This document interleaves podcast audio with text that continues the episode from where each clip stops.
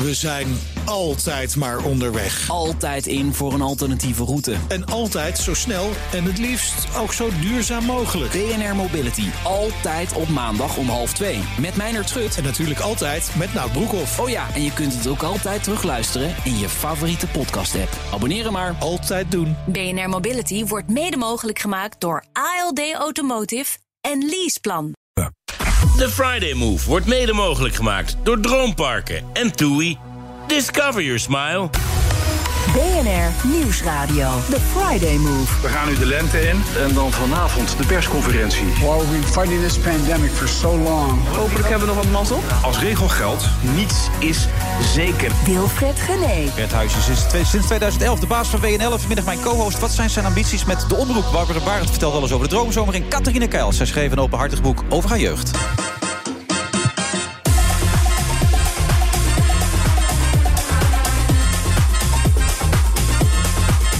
Op eh, vrijdag 26 februari, waar blijft de tijd? Het ziet er prachtig uit buiten. Wij zitten helaas binnen, maar wel in een mooie omstandigheid... dat we nog in Dauphine kunnen zitten en niet in een andere benauwde studio. En naast me dus Bert de man die eh, een prachtige toekomst voor zich heeft... als het zo goed is met WNL.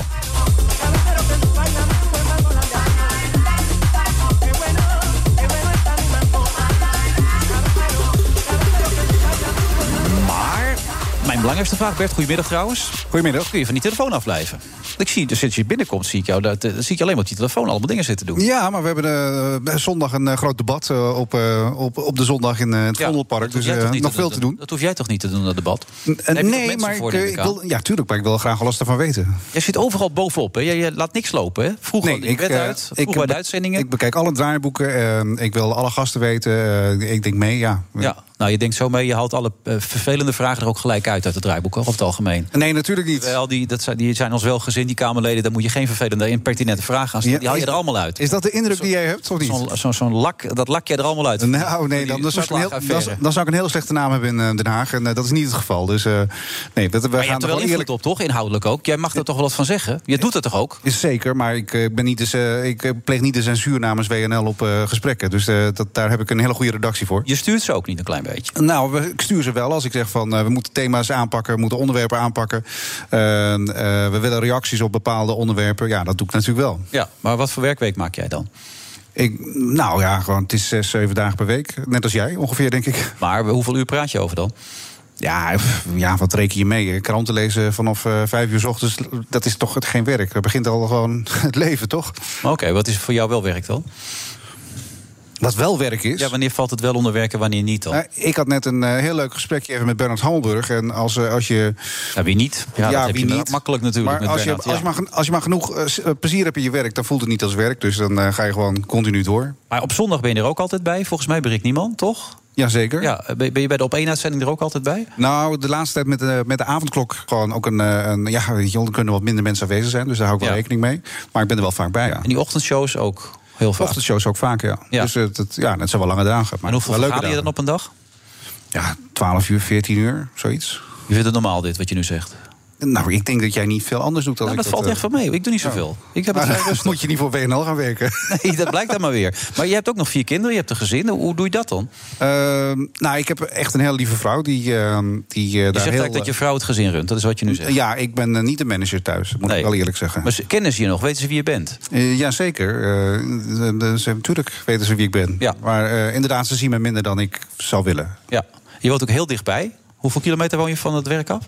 Eh, 108 kilometer. 108 kilometer. Waarom doe je dat, eh, Bert? Nou, omdat het daar heel mooi wonen is. Ja, ik eh, woon in de Gelderse IJssel. Eh, eh, de, de kinderen hebben daar een hele leuke tijd. Ze hebben dieren, Ja, ze zien je toch niet, uit. Ja. Nou ja, ze hebben hartstikke een leuke jeugd. Gewoon in een leuk dorpje langs eh, de Gelderse IJssel. Nou, hoe mooi wil je het hebben? ja, maar als je al zoveel uren werkt... dan zou je toch wat dichter bij je werk willen wonen? Ja, nee, maar kijk, het, eh, je hoopt natuurlijk altijd dat het wat minder wordt. En eh, we hebben een opmaat gehad om een mediawet er doorheen te krijgen. Dus eh, je, je zet ook wel heel erg goed je beste beentje voor om het eh, zo goed mogelijk eh, voor elkaar te krijgen. We gaan een nieuwe concessie in. Dus we moeten alle plannen klaarleggen voor, voor een grotere, ja, grote Ja, portfolio. er komt, meer er komt veel meer geld aan, zie ik, hè? Van de 9 naar de 12, dat kan oplopen tot 24 miljoen. Als het een beetje mee zit. Ja, maar je kan ook over de 24 miljoen heen. Het is, eh, het- Ook nog eens. het- zeker, maar dan moet je wel goede ideeën hebben. En, en je moet gewoon goed leveren. En wij zijn niet de duurste, maar we zijn wel altijd... heel ambitieus. Oké, maar wat zijn de plannen dan? Noem eens wat. Nou, we, we, we- de eerste is dat ik heel graag de, de, de ochtendprogrammering nog verder wil versterken. Ik zou het liefst zeven dagen in de week een ochtendshow doen. Het liefst tot eh, twaalf uur eh, in de ochtend. Ehm, eh, ik zou ehm, ook meer willen laten zien op economisch gebied, veiligheidsgebied, politiek. En ik, ehm, we, volgende week beginnen we met een, met een prachtig nieuw programma weer. Dragon's Den, tweede serie. Ja. Gaat over Zonder Sander ondernemers. Hè, voor de duidelijkheid. Nee, dat is met Jort Kelder. eh, Ja, dat dit zeg ik ja. seizoen. Zonder Oh, Schimmelpenninck. Ja, maar die heeft natuurlijk gewoon een andere keuze gemaakt in zijn, eh, in zijn loopbaan of in zijn carrièrepad. Dus, Maar eh, was dat ook een keuze, dat hij daar niet meer bij zit dan? Bij dat programma? Nou, hij, hij eh, was ook afhankelijk eh, presentator bij Op1. En eh, dat werd hem weet te ik. druk. En, Ja. dus hij zei van ja, dat, het programma past niet als een jas. Dus toen heeft hij gezegd van ja, ik, op, op, op, na verloop van tijd zal ik, zal ik mezelf weer uit het programma verwijderen. Nou, ja. dat, nee, maar dat is is, goed is dat bekend. Maar bij Dragon's Den wilde hij toch gewoon door? Ja, maar da- daar heb ik een, een beslissing in moeten nemen. Omdat, kijk, we hebben Jort op, op één gezet samen met Welmoed Seidsma. En op een gegeven moment wil je wel graag een gezicht wat gewoon vaak op tv is. Ja. En wat dan een beetje logisch voelt. En, eh, eh, Maar dat had niks te maken met, eh, met conflictjes met Michel Peridot. Nee, nee, nee dat, ik weet dat dat gerucht gaat. Maar dat heeft mij niet beïnvloed in ieder geval. Je hebt hem niet weggestuurd, zeg maar, daarom. Nee, ik heb het niet weggestuurd. Maar ik dat- heb wel een keuze gemaakt. Ja, maar waar komt dat verhaal vandaan dan dat het mee zou hebben gespeeld, denk jij? Mm, ja, ik denk dat dat eh, in, in die ondernemerskringen... eh, de, de, de miljonairs die eh, in Dragon's Den zitten... dat zijn natuurlijk ook, nou ja, het zijn ook gewoon meiden onder elkaar hoe ze kletsen. Dus ja, dat gaat alle kanten op natuurlijk. Ja? Het zijn meiden onder elkaar, zo noem je dat? Ja, het, het is een hele leuke sfeer. Als je, als je dat soort vermogende ondernemers bij elkaar hebt... dan heb je toch een soort eh clubhuis-sfeertje. en dat, eh, dat zit te geinen. En eh, het verschilt niet heel veel van een, eh, van een, eh, ja, van een, eh, ja, eh, een vriendengroepje. Nu is het een vriendengroepje opeens. Nou ja, ik, ik noem ze dat meiden keppelende omdat ze best wel meiden. kletsen natuurlijk. Ja. Hebben, eh, ja, bedoel, ze Het zijn geen haantjes. Eh, ja, ook. Het zijn nog. ook haantjes allemaal. Dus, eh, Webbelende haantjes zijn het eigenlijk. het zijn haantjes, zoals de vrouwen zijn haantjes. Dus ja, maar het zijn gewoon de ondernemende types. Dus eh, ja, die en goed gebekt. Dus, en ze willen elkaar er snel af zijn. Dus dat Ja. is een hele leuke formule. Dus zou je in de toekomst nog wel weer met Sander dingen willen doen? Oh ja, maar dat heb ik ook met hem doorgesproken. Ik geloof dat zijn eerste belang nu ligt bij wat meer documentaire-achtige programma's. En daar dacht hij aan de VPRO, omdat die wat meer beschouwend zijn. Maar hij heeft ook hele leuke series bij ons gemaakt over eh, f- eh. Opvolging in familiebedrijven. Deed hij heel leuk. En eh, toen had hij eigenlijk nog helemaal geen eh, tv-ervaring. En dat was echt vanaf dag één dat we met hem draaiden goed. Ja, wat vind je van zijn capaciteiten dan? Als presentator? Eh, van zijn capaciteit als presentator. Ja, een televisiemaker. Ik vond dat hij op één ook heel goed heeft gedaan. Eh, maar je moet het ook zelf heel leuk vinden. Dat, je weet eh, als presentator... Nou ja, je bent zelf een presentator. Het ene... Ja, maar hij zat nog wel in een keurslijf. Daar heb ik iets minder last van in mijn programma. Hij vond zich nogal dat hij binnen de lijntjes moest kleuren de hele tijd. Nou ja, maar dat, uiteindelijk zit je in een programma... wat gedeeld wordt met tien en tegenwoordig twaalf andere presentatoren. Dus daar Ja. zit een grid in. En dat kan knellend voelen. Dat snap ik heel goed. Dus als je zelf een, een wat meer vrijere rol wil... is dat misschien niet het juiste programma. Nou, die, ja, dat, heeft hij voor zichzelf besloten. En daar kan ik heel goed in komen. Wat vind je van het, over het algemeen van het niveau van de presentatoren bij Op1? Nou, eh, nu vraag ik... Kijk, ik ben opdrachtgever van Op1 hè, namens vier omroepen. eh, en er zitten vijftig gastomroep bij. Eh, er zitten verschillende presentatoren. Er zitten, zitten heel ervaren mensen tussen. Er zitten minder ervaren mensen tussen. Maar het grap Politiek is antwoord toch... wat je nou geeft. zeg je? Je geeft een heel politiek antwoord, maar dat heb je Nee, maar door, de, de grap is, ik, om het heel, heel incorrect te zeggen... ik heb wel eens gezegd van ja, als je ziet hoe dat programma uiteindelijk draait... en hoe elke avond er toch weer een ruim een miljoen mensen naar kijken... dan zou je ook heel cynisch kunnen zeggen, iedereen kan het. Eh, Catharine Keils, zou die het nog kunnen? oh, die zou het zonder meer kunnen. Ja, hè? Maar Catharine zit nu te zuchten terwijl dat gezegd wordt. Ik ben heel benieuwd hoe die er zo meteen Nee, over ik gaat weet zeggen. het. Ik, zei ook, als je het heel goed? cynisch zegt, iedereen kan het. Maar er zijn dus meer mensen dan alleen Jeroen Pauw... die een programma kunnen presenteren. Niet op het niveau van Jeroen Pauw. Want Mhm. ik bedoel, dat is een, het, is, het, is een, eh, het is een overpresteerder. Maar er zijn meer mensen die een draaiboek en een, eh, en een goed gesprek kunnen voeren.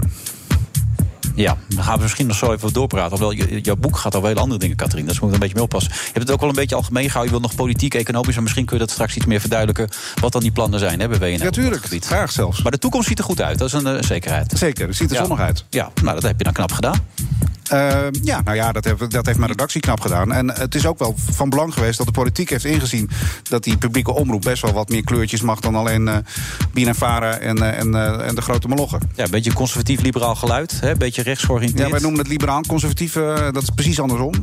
want conservatief-liberaal, dat is zeg maar zeggen, de liberale stroming... die zegt van een hele kleine overheid... en zo weinig mogelijk bemoeienis met de maatschappij. En de liberaal-conservatieve stroming zegt van...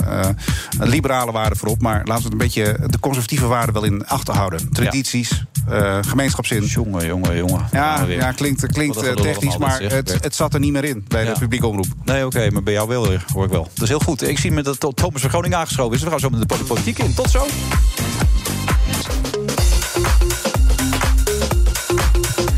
26 februari. We zitten in Dauphine. Uitzending van de Friday Move. En uh, naast mij Bert Huisjes, hoofdredacteur, directeur, programmamaker. Eigenlijk, eigenlijk ben je alles daar, toch? Of zo'n beetje? Toch? Ik doe mijn best uh, op alles. Ja, je bent gewoon overal bij aanwezig, dus dat doe je heel goed.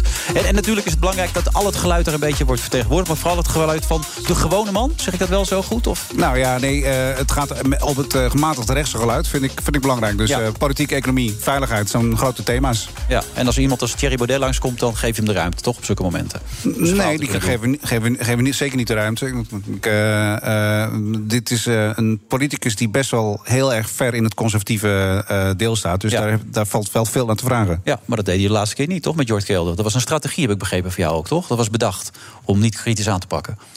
Nee, maar nu, nu, vertel je het ook echt gewoon. Uh, uh, misschien praat je wat headlines naar en dat, dat maakt niet zoveel uit. Maar uh, uiteindelijk hadden we gekozen om een tafel met de experts ja. neer te zetten. die, maar zeggen, alles wat hij zou roepen.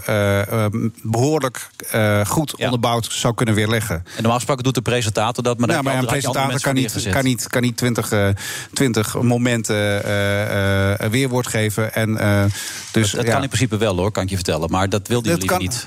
Toch? Dat was nou, dat, nou, ik bedoel, kijk, met, met iemand als Thierry Baudet doe je het in principe nooit goed. Mm -hmm. Hetzelfde geldt voor Geert Wilders, als die in de studio is. De een vindt, je laat hem te lang praten. De ander zegt van, uh, je valt hem in de reden. Uh, ja, uh, ik vind het belangrijk dat wij gewoon dat soort mensen wel gewoon bespreken ja. en, en bevragen. En dat wij niet... dat je de mensen omheen dan de kritiek laat uitoefenen, dat is het idee dan? Nee, maar het gaat erom of je, of je dit soort mensen, of je die kan handelen. En of je die... Um, uh, kijk, de, de, grootste, de, uh, de, grootste reactie is altijd van. Uh, stel jij gaat Thierry Baudet interviewen, dan wordt er van jou verwacht dat je hem volledig gaat fileren. Toch? Is dat zo? Nou, dat, dat nee, dat is een deel van het publiek verwacht ja. dat. Als je dat niet doet en je zou een normaal gesprek hebben, dan zeggen ze ja, maar waarom was je niet kritischer? Of waarom uh, ga je er niet harder in? Dus je kan het in principe gewoon niet, niet goed doen bij dat soort mensen. Het, het, grootste fout is om dan gewoon hem maar niet te doen. Weet je wel? Dus uh, ik vind. Uh, het geluid moet je laten horen, zeg jij. Dat ja, ja tuurlijk. tuurlijk. Okay. Heb je Geert Wilders toevallig gezien bij WNL, bij Rick Nieman, afgelopen zondag? Jazeker. Hoe vond je dat? Thomas van Groningen, hartelijk welkom. Ja, Leuk dat je er bent. Sorry, ja, ik vergeet je helemaal te introduceren, Thomas. Het is zo normaal voor mij dat je er al bent. Maar... Oh ja, nou één keer al. Dat gaat snel. Nee, nou ja, kijk, wie ben ik om, uh, om een ander programma te, te bekritiseren? Nou, maar ik vond het, Thomas van Groningen, dus je mag dat gewoon zeggen, oh, Thomas. Nou, ik, vond het, ik, vond het een, uh, ik vond het wel een goed gesprek eigenlijk. Ja. Ik had te weinig om aan te merken. Ik vind het wel leuk. Dan zitten er ook weet je, wat van die dilemma's, duivelse dilemma's in en zo. Dat vind ik altijd een beetje afgezaagd. Maar ik vond het deze keer bij Geert Wilders op een of andere manier wel weer leuk. Ja. Om hem toch uh, op die manier te zien. Hoe was Wilders na afloop van het gesprek? Nou, prima. Ja? Kon prima hebben. Nou, is eigenlijk altijd na afloop van een gesprek prima. Ik bedoel, uh, hij komt wel eens boos over in debatten... maar uh, buiten debatten is het gewoon een, een heel amabele man. Ja. ja. en hij heeft denk ik ook door dat dat weglopen... en heel boos worden op journalisten en dat achteraf nog uithalen... dat dat nu even niet werkt, omdat er op rechts een andere politicus is... die, uh, die dat wel doet. Die dat al doet. Dus daar moet het even niet van hebben. Laat hem nou even de matige rechtse politicus zijn... dan kan Thierry Baudet even de, de schreeuw lelijk zijn. Dat is een beetje het idee wat volgens mij bij de PVV op dit moment heerst. Nou ja, en de PVV is natuurlijk ook niet volledig rechts. Ik bedoel, die is cultureel rechts en sociaal-economisch volledig links. Ja. Uh, dus er zit ook nog een flink verschil in tussen beide heren. Ja, hij zat er wel. Dat is ook belangrijk, toch? Nou, hij zat er wel. En ja. uh, ik, ik, nee, ik, was er blij mee. Ik bedoel, hij gaat, dinsdag gaat hij ook de lijsttrekkers uh, afleveringen aftrappen bij Goedemorgen Nederland. En dan gaan we alle lijsttrekkers langs tot. en dan met als laatste Mark Rutte. Die komt ook Okay. Ja, daar komen ze wel, want de afgelopen week hebben we bijvoorbeeld Azarkan gezien... die dan in één keer af zei bij ja, Nieuwsuur. Ik kan, ik kan natuurlijk niet zeggen als, als mensen uh, imploderen... of, ze dan, uh, of ze dan nog uh, zichzelf op kunnen rapen. Maar over het algemeen komen ze graag en vinden ze het ook leuk. Het is ook even wat anders dan een debat of het stereotype gewone gesprek. Ik bedoel, ze hebben ook een aandeel in de show. Ja, dat is waar. Het zit ook best lang bij WNL. Ja, ze zitten drie uur lang. Dus ze mogen ook een beetje mee presenteren. Mogen zichzelf aankondigen. Ja, mogen ze zichzelf aankondigen? Ja, hoe werkt dat? Ja, te gast, dat ben ik. Zeg je dan. Oh, oh oké. nou, dat is heel leuk gevonden allemaal. Mochten ze dan ook weer naar het NOS-journaal toe praten? Want dat was ooit zo'n ding dat Wilders dat deed. En dat Wilders zei, en die komt nu het eh, linkse NOS-journaal. Ja, Ja. dat heeft hij één keer gedaan. Dat heeft vrij veel, eh, veel aandacht gehad, maar dat was ook één keer een grapje. Nou goed, we gaan nu, daar gaan we een andere keer over praten. We gaan nu even over jou. Eh, Actie, actiegroep Viruswaarheid heeft het eh, hoge beroep over het afschaffen van de avondklok verloren. Ja, dat betekent dus dat al die mensen die eh, in die weken dat die- vorige avondklok er was, zullen we zeggen, de oude avondklok tussen Ja. aanhalingstekens, dat die boetes die daar zijn uitgeschreven, dat die vooralsnog gewoon blijven staan. Want het gerechtshof in Den Haag zegt, nou, die wet die gebruikt is, dat was eigenlijk wel goed, dat kon gewoon, Ja. wat minister Grapperhaus had bedacht. Ehm, en het gerechtshof zegt ook dat die proportionaliteit, hè, dus is het nou wel eh, gerechtvaardigd dat je nu een avondklok zo'n hard middel inzet om dat virus te bestrijden? Daarom zegt het gerechtshof, nou, eh, er zijn genoeg argumenten vanuit de staat gekomen om dat eh, te doen. Dus dat, dat kan nu gewoon. Terwijl de rechtbank vorige week nog zei, Ja. nou, het is buiten proportie Ja, en, je moet en de verkeerde wet is gebruikt. Zou je zeggen, overstroming hebben of een, of een inval van de Russen in Groningen, dat soort dingen. Maar dat wordt dus ermee vergeleken door het gerechtshof Ja, eigenlijk. zij Daar komt zeggen, de, de, de, de, de crisis is zo groot, die pandemie waar we in zitten... dan kan je best dit soort middelen gebruiken. Ehm, en, en dus krijgt eh viruswaarheid ongelijk. En blijft die avondklok zoals die was staan. Alleen we hebben als Nederland eh, inmiddels een andere avondklok. Hè, want we hebben een nieuwe wet aangenomen. Ja. Dus die, eigenlijk ging het al een beetje voor spek en bonen deze zaak. Ging het alleen nog om die oude boetes. Ja, maar het is nog steeds dezelfde avondklok eigenlijk ook weer. Want het stelt de tijd enzovoort, weet je. Ja. Dus dat is een beetje ingewikkeld. Maar voor, voor, ja. voor de normale mens verandert er eigenlijk niks. Het is Nee. gewoon tussen 9 en half 5 Hoe lang duurt dit nog, Thomas, denk jij? Nou, hij staat nu tot en met 15 maart, Mhm. die avondklok. En dan op maandag 8 maart horen we s'avonds of die verlengd gaat worden. Ja? Als je eh, een beetje aanvoelt in Den Haag van hoe hangt de vlag erbij... en met name eh, bij mensen rondom het OMT en het RIVM... hoor je daar eigenlijk wel de boodschap dat de kans dat die dan stopt op 15 maart heel klein is. Dus eh, die gaat waarschijnlijk nog wel even door. Oh, dat denk jij ook, Bert? Nou, ik vind die avondklok nog tot hier aan toe. Maar eh, ik vind dat eh, die terrassen weer open moeten. Ja. De ondernemers moeten Wat al die het werk. ondernemers ook roepen, al die horeca-ondernemers roepen... we gooien Ja, hem gewoon zelf open. Dat Nou ben je ja, voor. Ik bedoel, kijk, eh, vandaag is het Vondelpark weer gesloten. Eh, iedereen kruipt bij elkaar.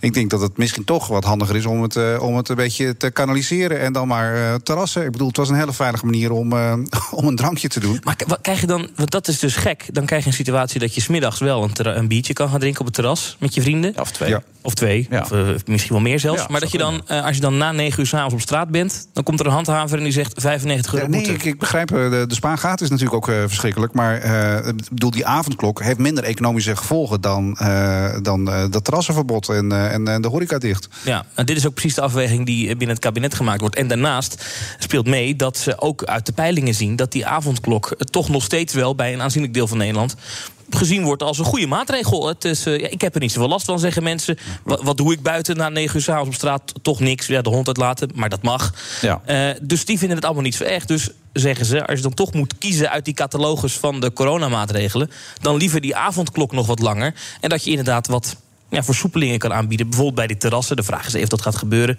De jongen zei vanmiddag voorlopig echt even niet. 8 maart kijken we verder.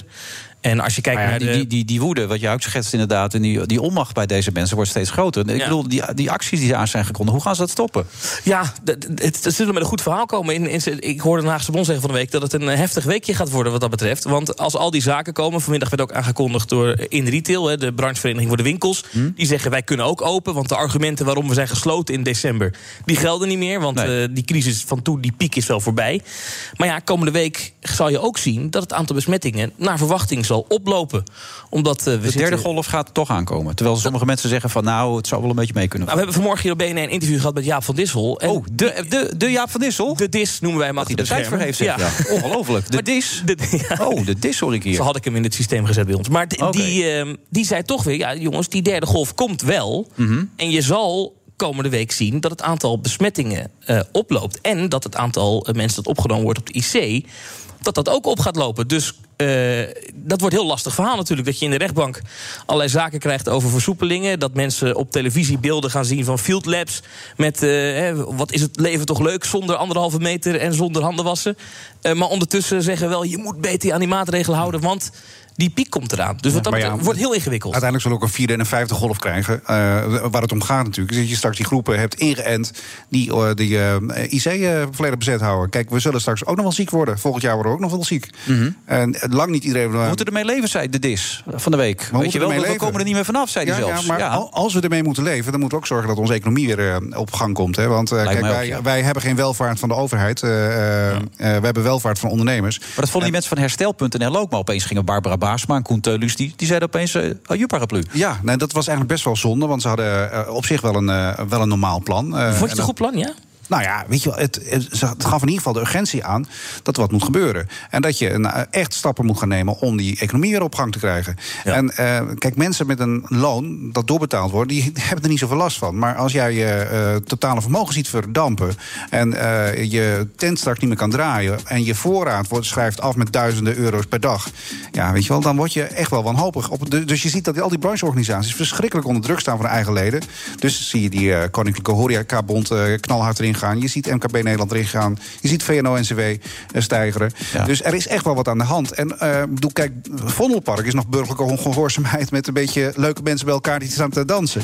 Maar op het moment dat eh, brede burgerlijke onge- ongehoorzaamheid ontstaat... dan heb je toch een flink probleem in Nederland. Denk ik ook. Ik, ik, moet, ik hoor de muziek ook op. Toch nog één vraag aan jou stellen. Wanneer ga je naar de kapper trouwens, Bert? Wanneer kun jij terecht? Eh, volgens mij eh, na volgende week maandag, toch? Zo? Ja, nou, ik werd vandaag op mijn kapper wel. 13 maart kan ik voor het eerst terecht. 13 maart, dus dat is lekker. Oh, heb ik eerder dan jij een afspraak? Ja, wanneer. Ja, volgende week eh, woensdag uit mijn Ja, de is eerste dag. geloven, 13 maart. Dus wat is dat nou? Maar ik zie bijna niks meer. Maar belangrijk, jij hebt er even met, met, met Rutte over gesproken. Het verschil tussen een kapper, die vraag heb jij gesteld, toch? En een sekswerker. En een sekswerker, Ja, ja. daar wordt iedereen was daar een beetje verbolgen over van een domme vraag. Maar dat was een serieuze vraag. Want als Ja. je zegt, eh, al die contactberoepen mag, je mag jezelf laten masseren.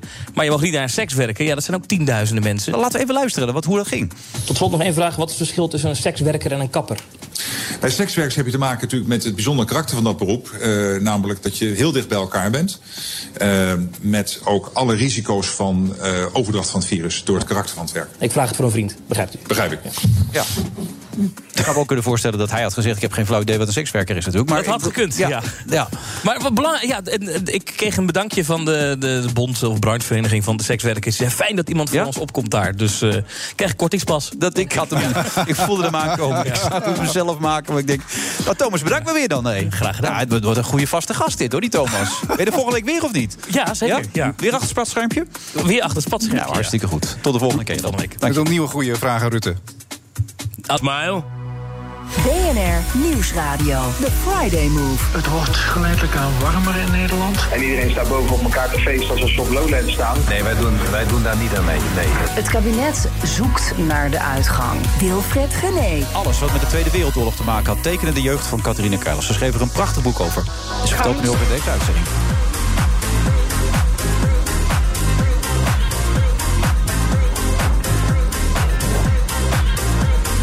En daarvoor nog steeds Bert Huisjes, hoofdredacteur WNL. Eh, Bert, wat is het eerste waar je aan denkt als je Catharine ziet? Dat denk ik een eh, vakvrouw. Eh, en een, door sommige mensen verkeerd geïnterpreteerd. Ze is een, heeft een waanzinnige carrière als verslaggever, als tv-verslaggever. Heeft natuurlijk de meest succesvolle talkshow ooit gemaakt. Ja. En heeft ontzettend veel taboes in Nederland doorbroken. Dus ik heb een hele hoge pet van uh, Zou ze het nog steeds kunnen, denk jij? Oh, absoluut. Zou je dat willen hebben? Eh, Nee, nou, niet. eh, eigenlijk moet ik wel zoeken naar een generatie next, moet ik eerlijk zeggen. Maar e- e- eerlijk gezegd heb ik ook een, wel iemand bij ons werken... die best wel wat Catharine Gen in zich heeft. En dat is? Ja, Maaike Timmerman.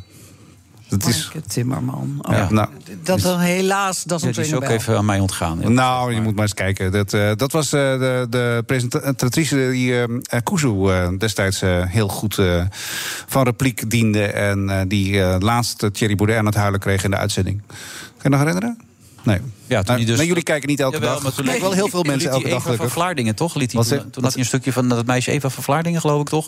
Die is de zogenaamde ex van hem was. Ja, nou in- inderdaad. Dus die Ja. belde live in en eh, die, Ja. eh, die vertelde eh, ja, dat, hij, dat hij dus ook door haar werd verlaten. En dat, dat leverde een traan op. Oké, nou, het is er niet helemaal meegekomen. Je zat even met je hoofd te schudden toen het over het niveau van de op één presentator ging. Wat bedoel je daar Nee, nee, mee? nee. Toen Bert zei, ah, het lijkt net als je elke dag andere presentatoren hebt... dat iedereen het eigenlijk wel Ja, dat zei ik cynisch. Hè? Dat, eh, oh, dat, was cynisch. Oké, nee, dan is het goed. Want, eh, Nee, natuurlijk kan niet iedereen dat. Vak. Maar wat ik wel mooi vind, eh Katrien, is dat er onder eh, grote eiken eh, altijd heel veel jonge boompjes staan. En eh, eh, dat, het, eh, dat die niet altijd eh, bij de zon komen als die eik maar blijft staan, snap je? Dus Ja. eh, zo, dat, is dat Jinek is vertrokken en dat Power is vertrokken, heeft, heeft heel veel mensen eh, gewoon in een nieuwe fase gezet. Dat vind ik heel goed. Wie springt er bovenuit? Je gaat ook wel met noemen, dat snap ik ook. Want die Ja, jou natuurlijk. ja Wilma, Welmoed Seidsma springt er bovenuit. Ja, maar verder, van die nieuwe generatie, Talita Muze. Eh, nou, die moet dat natuurlijk nog helemaal eigen maken. Die is, die is echt met, Politiek met heel Gio weinig bagage begonnen. Nou, dat, dat Catharine eh, weet het. het. Het is,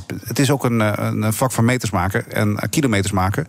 Dus eh, nou, dat het haar wordt gegund. En dat ze het aandurft, dat vind ik wel weer stoer. Ja. Maar het is altijd wel goed als mensen een kans krijgen natuurlijk. Zo is het ook inderdaad. Maar of dat dan meteen bij het eh, grootste programma moet eh, op de Nederlandse buis, dat is even de vraag. Maar ze zit wel naast Sven Kokkelman, die natuurlijk gewoon eh gelouterd en Ja, en, zeker. eh, Dat is waar. meer ervaren krijgen ze het bijna niet. Maar als ze bellen, dat heb je me van de week nog verteld, Catharine, dan zou je nog steeds willen doen, toch?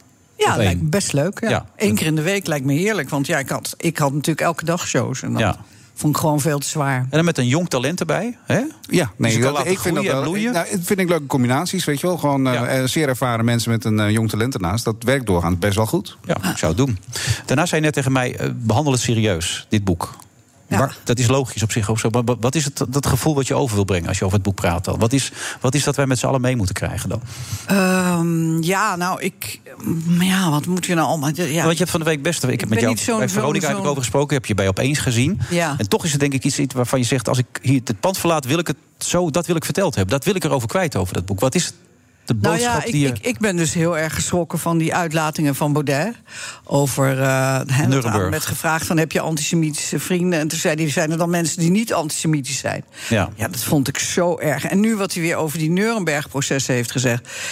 Ik denk, en die man heeft toch geschiedenis gestudeerd? Ik begrijp het gewoon Ja. helemaal niet. Maar Hij heeft dus. later iets anders bedoeld, begreep ik toch? Hij bedoelde ermee te zeggen dat je niet met nieuwe wetten mensen toch weer moet gaan bestraffen voor iets wat ze eerder hebben gedaan. Maar het was erg, erg, erg pijnlijk. Ja, dat vond ik ook. Ja, en, ik- en dan denk ik van, zeker als je zo'n verleden hebt met allemaal opmerkingen die al behoorlijk eh, hè, op het randje waren. En je gaat dan zoiets zeggen, ja, vind ik gewoon niet handig. Ja, misschien is dat wel mijn grote motivatie geweest eigenlijk. Dat, ja, hoewel iedereen dat natuurlijk in principe weet. Maar wa- wat een enorme gevolgen racisme heeft gehad in het verleden in elk geval. En eh, ja, dat, ik ben na de oorlog geboren. Maar in feite is alles wat ik heb gedaan door die oorlog beïnvloed. Ja, want je, zet- het boek heet Oorlogsvader, maar je had ook Oorlogskind kunnen heten. Omdat het, ja, het ook zo op, op jou betrokken is. Ja, Allemaal. alleen ik, ik ben nogmaals na de oorlog ja, dat snap geboren. ik. Dus maar dan, dan, de oorlog leefde voort in Ja. jouw vader. Ja, zeker. Ja. En dat, eh, dat heeft eh, voornamelijk tijdens mijn eh, jeugd plaatsgevonden. Later was het allemaal veel makkelijker natuurlijk. Want toen ja, was die oorlog verder weg. En dan nam hij er zelf ook meer afstand van. Maar praten er niet over, toch? Maar hij praatte er amper over. Ik denk Ja. dat, hij misschien, dat, er, dat hij er misschien vier opmerkingen over heeft gemaakt... in de tijd dat ik hem kende. Nou, die staan alle vier in het boek. En, en wat was dan de lading daarvan? Hoe heftig waren die voor jou?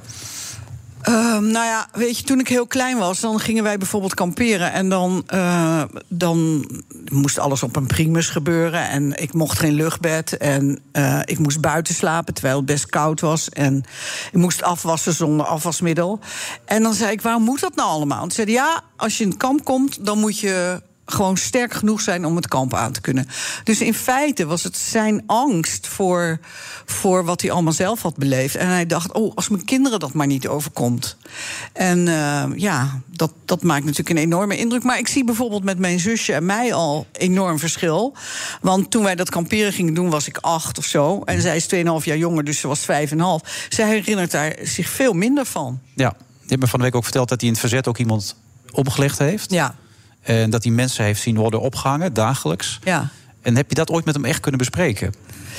Nou, weet je, als je kind bent en je vader vertelt je dat je in een kamp hebt, dat hij in een kamp heeft gezeten waar elke dag iemand werd opgehangen, dan denk je, nou, wat is dit nou voor onzin? Dat kan helemaal niet waar wezen. Dus ik dacht, nou ja, hij, hij verzint het. Eh, eh, ja, of het is echt waar, maar dan kon ik dat gewoon niet bevatten. Dat, dat, dat was zoiets verschrikkelijks. En eh, nou ja, dus veel later, toen Universal, daar maakte ik het programma Catherine voor. meest succesvolle Nederlandse talkshow ooit, hè, zoals Bert net zei. Nou ja, in zijn tijd wel, ja. Ja. Ja, en eh, oh, het is wel een hele lelijke toevoeging, of niet? Oh, nee, ja, dat is geen nee, nee, nee, dat is Oh, oh. een lelijke toevoeging. Maar uh, nou ja, toen, toen werd ik dus gevraagd of ik in uh, Duitsland naar een show wilde kijken die het helemaal niet deed.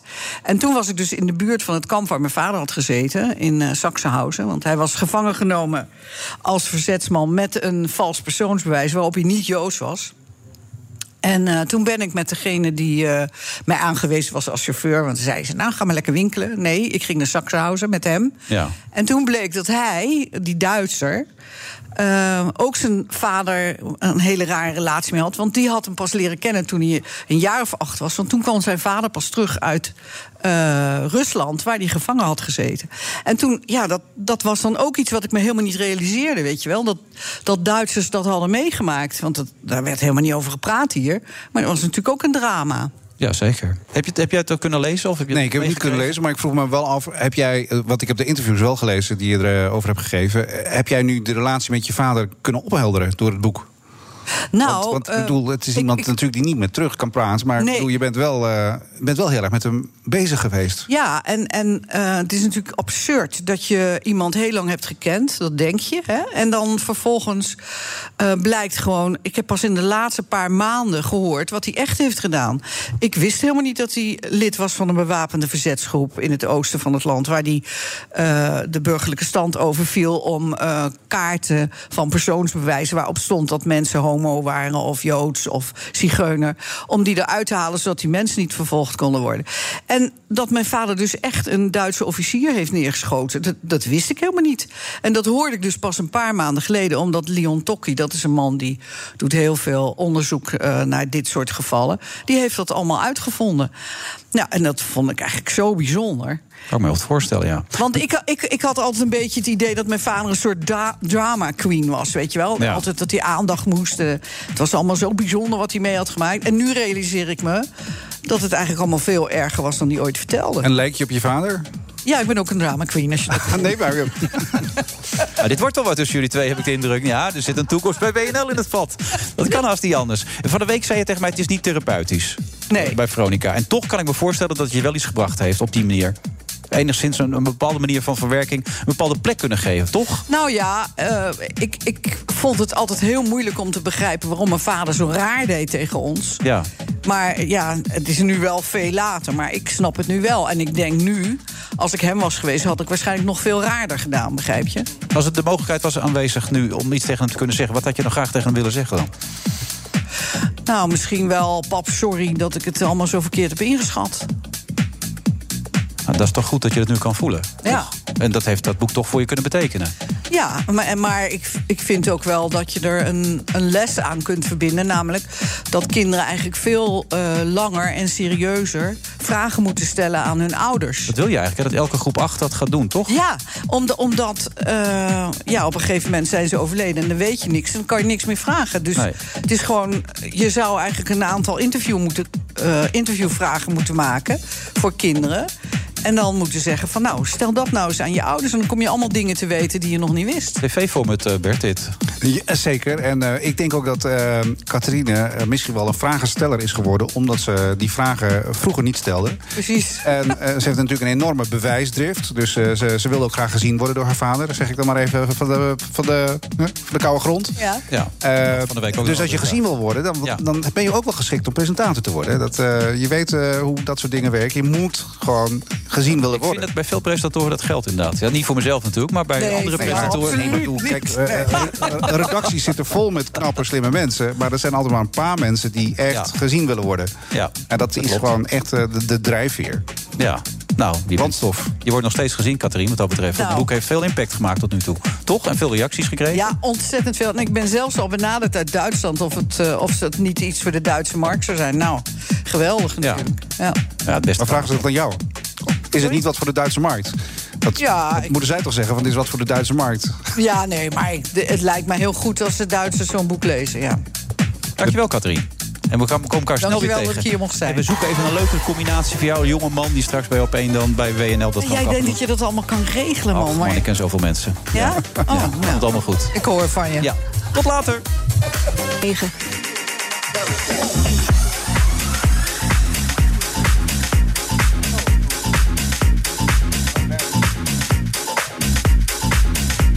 Vrijdag vrijdag eh, 26 februari. We zitten hier met de hoofdredacteur van eh, WNL... die grote plannen heeft. Politiek, economisch, noem het allemaal maar. Kun je nog een tipje van de sluier oplichten? Dat je eentje nou vooruit kan pikken? Eh, ja, we hebben wel een grote, mooie grote programma's waar we NPO 1 maken over eh, onder, ondernemend Nederland. Dus dat, eh, en dat te wekelijks of misschien ook... Nee, ik denk dat dat in series zal gaan van, van zes tot acht afleveringen. En dat schema in de avond zit natuurlijk ook verschrikkelijk vol. We worden niet de grootste omroep, Wilfred. Dus, Nee, je bent, wat noem je jezelf? Een, een, een piratenbootje, toch? En geen slagschip. We zijn een, ja, nou, dat heb ik ook gezegd om mensen echt te overtuigen van je moet er hard tegenaan gaan. Eh, Ja. Je moet flink eh, eh, proberen te presteren en ideeën bedenken. En het is niet een, niet een vanzelfsprekendheid dat je er bent. Nee. Dus het is best wel leuk om ja, het beeld van de piratenbootje erbij te Ja, houden. WNL is het piratenbootje. En, en Ja, zit allemaal, en zo, dat, is, dat, zijn, slagschepen. Dat zijn de oude tankers. Ja, en die draaien moeilijk bij, hè, die tankers ook, toch? I know. Ja. En daarom zitten ook Astrid Joost en Jeroen Paul, of, sorry, Paul de Leeuw op vrijdagavond. Dat weet ik niet, moet je aan Bier en Vara vragen. De- ik bedoel, eh, dat zijn natuurlijk wel eh, gekende gezichten van eh, de Vara. Ja, op het gebied van interviewen zeker, toch? ja. Nou ja, eh, Paul de Leeuw heeft fantastische interviews gedaan. Alleen niet in deze zitting. Bedoel ik. Eh Bernard, goed dat je er bent. Fijn om te zijn. Ja. Minister Stef Blok van Buitenlandse Zaken wil het WK voetbal juist gebruiken om verder druk uit te oefenen op Qatar voor het verbeteren van de arbeidsomstandigheden. Nou, dat vind ik Ja. zo'n gelul. Ja. Als je- 6500 doden Ja, tot nu is, toe. er is maar één woord voor, vind ik, godspe. Dat is het woord. Het is echt een godspe. Ja. Als er zoiets gebeurt, je weet er nu zoveel van. eh, bij de voorbereiding van eh, dit onderwerp voor deze uitzending...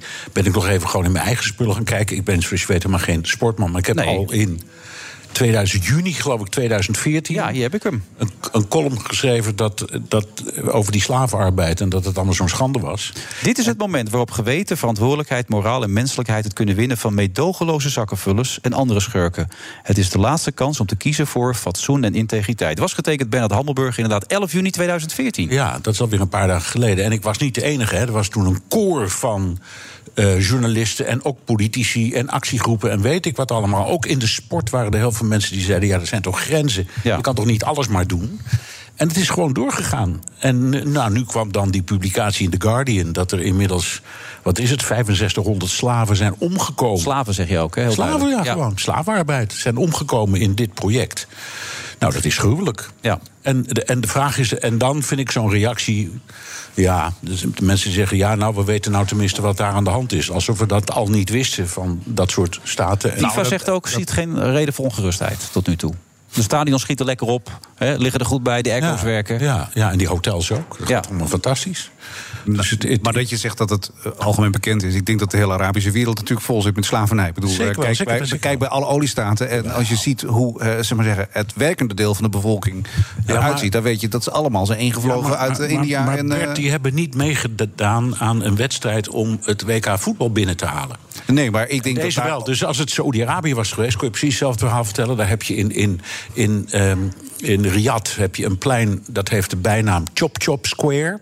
Omdat daar mensen in het openbaar worden onthoofd met een sabel. En eh, de, de, de beul is zo populair dat hij regelmatig in het plaatselijke op één plaatsneemt. Kun je dat voorstellen? Eh, ik, ik vind het een hele goede informatie. Omdat, een held in de, in de talkshows. Dus in die wereld gebeurt dat. Ja, omdat er geen liberale waarden zijn daar. Heb je helemaal gelijk. in. Alleen de vraag is: Saudi-Arabië heeft niet meegedaan. Die, die heeft niet geprobeerd om het WK voetbal weer te halen. En Qatar wel. En daar zijn allerlei dingen gebeurd, denk ik. Maar dat weet jij waarschijnlijk Nou, ja, beter. dat kun je nooit bewijzen. Maar het feit dat de FIFA zegt dat het allemaal prima is wat daar gebeurt, zegt eigenlijk alles. maar, Ja. de, maar de FIFA zit er ook vol mee boeven, Wilfred. Natuurlijk, Ja, alleen dat- maar. Ik bedoel, de ene boef heeft de andere boef vervangen. Ja, ik bedoel, en nou- Blatter moest op een gegeven moment weg en er nou, zit gewoon een nieuwe. Nou begrijp ik dat Blatter destijds nog wel heeft geprutteld. Die stond, om het zomaar te zeggen, aan de goede kant in deze kwestie. Nou, ja. Niet? Krijgt te weinig geld, had ik de indruk. Maar krijgt te weinig geld Ja. om ja te, of nee te Ja. zeggen. Oké, dat zou ook kunnen. Maar hoe dan ook. Maar je moet natuurlijk ook naar de andere kant kijken. Want wat mij nou zo fascineert is zo'n reactie van Blok. Waarom komen al die, ook in in de internationale wereld, waarom gebeurt er zo weinig? En dat heeft ermee te maken dat Qatar natuurlijk ook strategisch, geopolitiek, om dat woord maar een keer te gebruiken, zo belangrijk is. Want ik geloof dat de grootste Amerikaanse basis in het Midden-Oosten zit in Qatar. En daar zit ook het opperbevel dat bijvoorbeeld de strijd tegen IS heeft aangevuurd. Dus die vier of zes Nederlandse F-16's die hebben meegevlogen... die vielen onder het commando in Qatar. Ja, maar Bernard, je- jij weet toch ook dat we voor internationale veiligheid soms zaken doen met eh, hele grote boeven Ja, ja, en met hele maar- grote tirannen en dictator. Jawel, goed, dat kan allemaal. Dat, dat mogen zo zijn, maar dat maakt het niet minder wrang. En zeker niet met deze onthullingen zoals... Nou, wat het meest pijnlijk is, denk ik, Bernard. Ik, ik, ik had gisteren ook nog Gertje eh, eh, Segers nog even op de app, weet je wel. Ja. Die, die wil samen met D66 ook eh, aankaarten dat ja, we er niet moeten Kaag en Segers die roepen allebei dit, eh, we moeten daar gewoon niet heen. En dan had je nog eh Karabulut, die die, eh, Ja, die motie heeft ingediend en zegt... Er moet in elk geval geen officiële Nederlandse delegatie heen. Niet de koning, geen, eh, geen eh, ministers en dat soort dingen.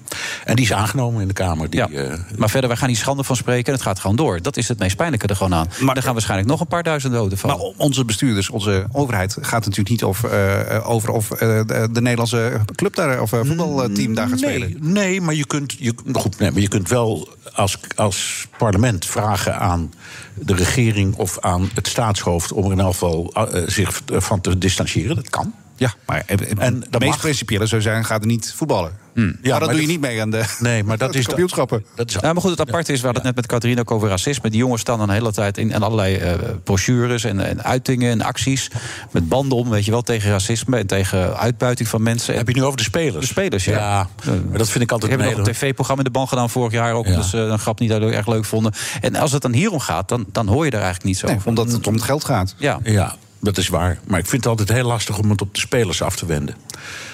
Ja, omdat die Want- spelers dan ook... Maar een, een, een speler heeft toch ook een individuele, individuele eh, Jawel, verantwoordelijkheid? nee, dat weet ik wel. Dat weet ik wel. Maar toch, ik denk dat de clubs, de organisaties... dat je die verwijten moet maken in de eerste plaats. Ja, die Dus de KNVB moet dan een actie ondernemen, Ja. niet de spelers. Nee, dat vind, Eh, ik, dat vind ik eigenlijk wel. Dat vind ik eigenlijk wel. Ja. Maar goed, Ja, maar de- kijk, de spelers kunnen niet omdat de KNVB hun systeem is. De KNVB kan niet anders omdat die weer in een systeem zitten. Dus op, op dat moment is het alleen maar onmacht. En zeg van, oh, wat is het erg aan toch? Ja, dat is waar. Nou goed, er zijn, ik geloof in Melbourne destijds... bij de Olympi- Olympische Spelen zijn er sporters weggebleven, ook Nederlandse. Ja, de vraag is wat die uiteindelijk hebben bereikt. In 19 was het 56? Ja, 56. Dat ging dan over Hongarije, de inval ja, in ja, Hongarije. destijds in We zijn- 78 had je ook die actie van bloed aan de paal van Freek de Jonge. Freek de Jonge, ja, Dat we niet Argentinië. naar Fidela zijn regime toe mochten. Ja. enzovoort. Maar uiteindelijk ging Nederland zelf natuurlijk ook. En toen Nederland de finale hadden, stond iedereen weer te juichen natuurlijk. eh, op oranje. Ja, Dus- ja, ja, ja. maar dat, dat neemt niet weg dat de, de, de cijfers zoals we toen vermoeden dat er waren, hè, dus zoveel Mhm. jaar geleden, dat nu bevestigd wordt door dat enorme onderzoek wat in The Guardian is gepubliceerd, dat maakt het toch net iets anders. Dat Maar ja, met name ook omdat het doden gerelateerd zijn aan het WK voetbal. Kijk, het is niet dat het regime alleen maar aan het WK voetbal... omdat die stadions gebouwd moeten worden. Maar er is inmiddels 6500 mensen aan overleden Ja, zijn... en die de- bouwpartijen. Ja, voornamelijk Nepalezen. Ja. En, en nogmaals, en dan. Maar we zijn het allemaal eens hè, hier, maar er gaat dus niks van Nou ja, ik, ik vind wel op zich een heel positief effect ervan dat iedereen er nu over praat. Eh, dus je haalt zo'n eh, zo'n zo'n zo'n kampioenschap binnen als prestige. En je krijgt er gewoon wereldwijd eh, slechte pers van. Dat vind ik wel weer mooi. Ja, zeg maar trekken ze zich er wat van aan, Bert? Met interesseert Nou zich ja, hout. eh, Wat je net zo zegt. alles- alles strategie, een grammetje. basis, eh, onderhandelingen, wereldvrede, al dat soort zaken. Hè?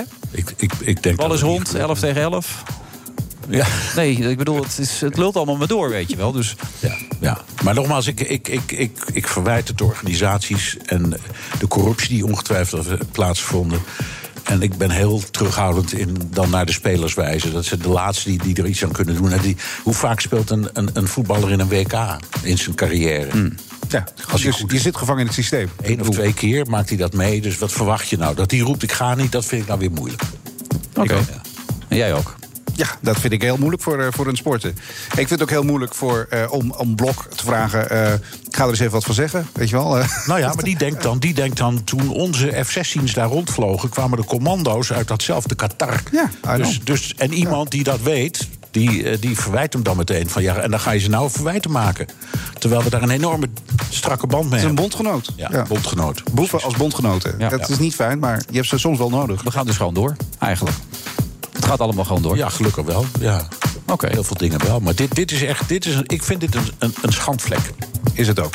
En dat moet gewoon gezegd worden. En of dat nou invloed heeft, nee. Want eh, joh, die column heb ik zes jaar geleden geschreven. En niemand heeft geluisterd, Wilfred. En Nee, Bert. dat, dat is waar. Ja, nee, maar in al die landen worden ook al tientallen jaren mensen onthoofd. Dat vinden we ook allemaal heel erg. Zeggen we altijd weer wat van. En ze luisteren gewoon niet. Je hebt gewoon... Nee.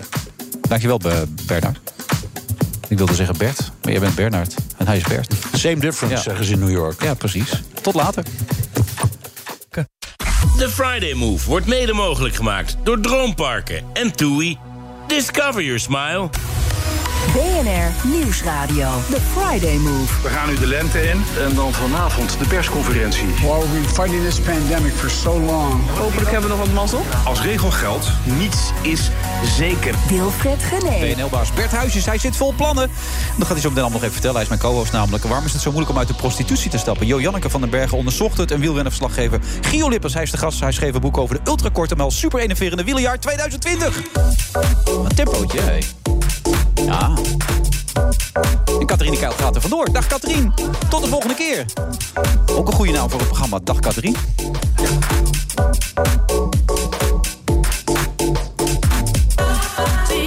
26 februari. Bert, een veel groter budget. Ik hoorde jou zeggen nog meer dan 24 miljoen. Waar kan het naartoe oplopen dan? Als het Nou, in, gek wordt. in principe heb je eh, recht op een bepaald budget. Maar als je heel goed eh, presteert en heel goed eh, goede ah, ja, voorstellen. De NPO Ja, kan het gaat je... niet meer om leden, heb ik begrepen. Normaal gesproken moest je de 150.000 hebben, maar dat is niet meer nodig. Nee, de, de, de ondergrens is nu 50.000 leden. En eh, voor een grote gefuseerde omroep 100.000. En dat heeft te maken ook dat die leden waren natuurlijk altijd een, een ticket naar subsidie. Ja. En nu zeggen ze ja, mijn omroep moet ook wel wat voorstellen. En mm, anders, weet je wel, eh, dan zijn ze allemaal hetzelfde. Ja. En maar hoeveel leden hebben jullie nu dan? Op dit We hebben er 62.000. Oké, dus dat mag je Eh, maar ik, ik wil wel graag door naar de 100.000. Alleen, het gaat niet alleen om leden. Het gaat ook natuurlijk om wat je doet. En of Ja. het herkend wordt. En of, of, of de politiek en of de samenleving herkent dat je wat anders doet.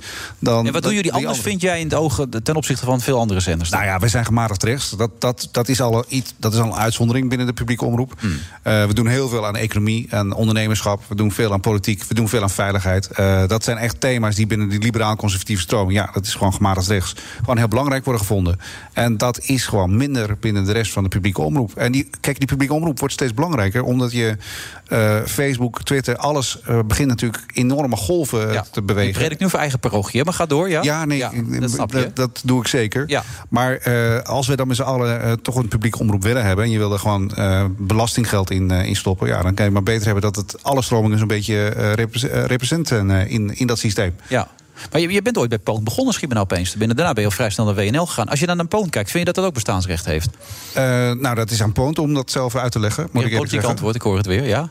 Ja, nou ja, ze hadden ook een heel andere, andere eh, uitgangspunt. Ze wilden gewoon voor de netwerkrechtgeneratie... dus eh, mensen die, zal ik maar zeggen, niet meer vastzitten aan de traditionele media... daar wilden zij wat Ja. mee, mee gaan doen. En, dat- en eh, moet ook zeggen dat ze di- op digitaal vlak... zijn ze de grootste omroep van heel eh, Hilversum. Ja, maar laten ze dat dan lekker doen, toch? En eh, helemaal de Ja, maar ik weet niet wat hun, wat hun keuzes worden. Maar ze ze zijn tegenwoordig ook weer vaker te zien op tv. Dus eh, eh, kennelijk vinden ze dat toch ook wel weer interessant. Ja. Dus zitten er nog mensen in je hoofd die je graag naar jou toe zou willen halen? Wilfred Gené, wil je zeggen? Nee, nee, zo bedoel ik het helemaal niet. Maar ik kan me voorstellen dat als je een uitgebreidere programmering krijgt... dat je ook meer mensen zou willen hebben. En dat je misschien wel mensen in je hoofd hebt zitten. Eh, ja, maar ik, eh, ik moet ook zeggen dat ik eh, deels ook wel erg van belang vind... om zelf eh, mensen om op te leiden en, eh, en omhoog te werken. Maar Eh, zie je mensen die dat rechtse geluid van jullie vertegenwoordigen op dit moment? In de media die je zou kunnen gebruiken? Oh ja, ik, maar ik, die, de- mijn redactie zit er vol mee. Dus het zijn zeer ambitieuze mensen. Eh, eh, die kunnen meer dan wat ze nu doen. Welmoed Zijtsman ging ook voor Goedemorgen Nederland naar op 1. Ja. Uh, Wieger Herman doet een heel geprofileerd eh, programma op Radio 1. Die, kan ook meer. Er zijn En dat ze zo snel doorstromen, de Eva Jinex van deze wereld en de Merel Westrix, dat begrijp je dan ook wel. Dat hoort er een beetje bij. Ja, bij dat hoort erbij, omdat zo'n organisatie wat minder snel omhoog gaat dan eh, persoonlijke ontwikkeling. En dat, eh, nou ja, voor mij hebben we straks een gesprek met Johanke van den Bergen. Die begon ook als verslaggever bij Poont. Ja. En haar ontwikkeling ging zoveel harder dan, dan die van de omroep. Dat je op een gegeven moment, ja, dan word je documentairemaker. Of, nou ja, je gaat eh, allerlei andere dingen doen. En dat gaat dan sneller dan... elkaar ook, neem ik aan, toch? We kennen elkaar, maar ja, ik, eh, ik was eh, een tijdje haar hoofdredacteur. Niet al te lang. Nee? Halfjaartje. Ja, een paar maandjes, een tv-seizoen. Ja. ja. En? Hoe ging dat? Was het talentvol? Nou ja, dat weten we toch allemaal. Dat, eh, dat zij eh, mooie programma's maakt. Ja. Dus, eh, Nee, maar ja. dat wil ik graag. En dat was heel zwaar werk, want het was met een heel klein team. werd er dagelijks een programma gemaakt. Nou, dat, ik denk dat maar weinig mensen dat kunnen. Dat er denk ik met drie, vier verslaggevers... die misschien wel zes items op een dag haalden... verwerkten van s ochtends negen tot, tot, tot aan uitzending. Nou, eh, ik bedoel, als je daar doorheen komt, dan kan je wel wat. Ja. Dus ik, eh, ik heb ook wel best wel wat mensen van Poont aan het werk. En nou, dan weet je gewoon, dat zijn wel. eh, nou, dat, die hebben de, de, de, de opleiding wel gehad. Ja, Dennis Schouten, kun je daar wat mee eigenlijk? Ik, vind, vind Dennis een hele interessante jongen, maar ik vind hem niet heel erg passen bij WNL. Waarom niet? Ik vind hem heel erg poont. En ik vind hem ook, eh, ik vind hem ook goed passen bij, bij die radioprogramma's. Dit is natuurlijk een, eh, iemand die heel erg eh, schurend is. Polariserend, wil je dat ook gebruiken? Polariserend, ja. Ja weet je wel, wat Jan Roos ooit was bij Poont, dat is, dat hij ook een beetje. Ja, maar brutale geluid wil je eigenlijk liever niet. Eh, nou, mijn, mijn, mijn groep mensen is best wel huiverig voor hufterigheid. En eh, op het moment dat je eh, heel erg scherp gaat varen... dan kan het wel eens hufterig worden. Ja. En dat is precies de grens die je niet over moet gaan. Maar mijn groep mensen, dat klinkt wel heel apart. Wat, wat, wat is dat precies, mijn Ja, groep dat mensen? zijn gewoon hele nette mensen. Die zijn gewoon een beetje rechts van het midden. Die werken hard en snappen wat tradities voor staan. En willen graag vooruit. En willen graag ook een betere baan. Een, eh, een, eh, een ondernemer eh, ja, die gewoon zijn bedrijf wat groter wil laten groeien. Ja, dat weet je wel. Het is heel gematigd, maar heel constructief. Nou, ja, dat klinkt, voor ja. veel mensen klinkt dat saai. Ik, eh, ik zag de gemiddelde Nederlander geportretteerd in, eh, in het AD. En ik moest er wel een beetje om lachen. Weet je wel, een 44-jarige die altijd VVD had gestemd... en eh 14 keer per jaar barbecued. Ja. Ja, nou ja. Toen dacht je, dat zit- zijn ze, dat zijn mijn mensen. Dat zijn, dat, Ja, dat is een grote-. Ja, dat, daar heb je ze. Ja. Ja. Maar dat zijn geen, niet mensen die graag in een uitkering willen belanden. Zijn Mensen die willen werken. Als ze een baan niet leuk vinden, beginnen ze een eigen bedrijf. Weet je wel, nou ja, dat, dat zijn die busjes met ja, wij tuinieren voor u. eh, grasmaaien eh, doen wij, weet je wel. eh. Maar zijn ook niet heel uitgesproken als het gaat om eh, racistische dingen? Of, eh, Nee, maar ze zijn hartstikke liberaal. Ze kunnen, kunnen eh, bedoel, maakt hun niet uit of, eh, of, of ze samen met een, met een Turkse ondernemer eh, werken. Weet je wel. Eh, het gaat erom of je samen geld kan verdienen. En of je klanten Klinkt kan wel overzichtelijk zoals je het vertelt nu, Bert. Het is ook helemaal niet moeilijk. Nee, zo simpel kan het eigenlijk zijn, hè? Het is hartstikke simpel. Ja, laten we dat simpeler houden dan met z'n allen. We gaan zo door. Ik ben Jolanda van der Velde van de ANWB Verkeer.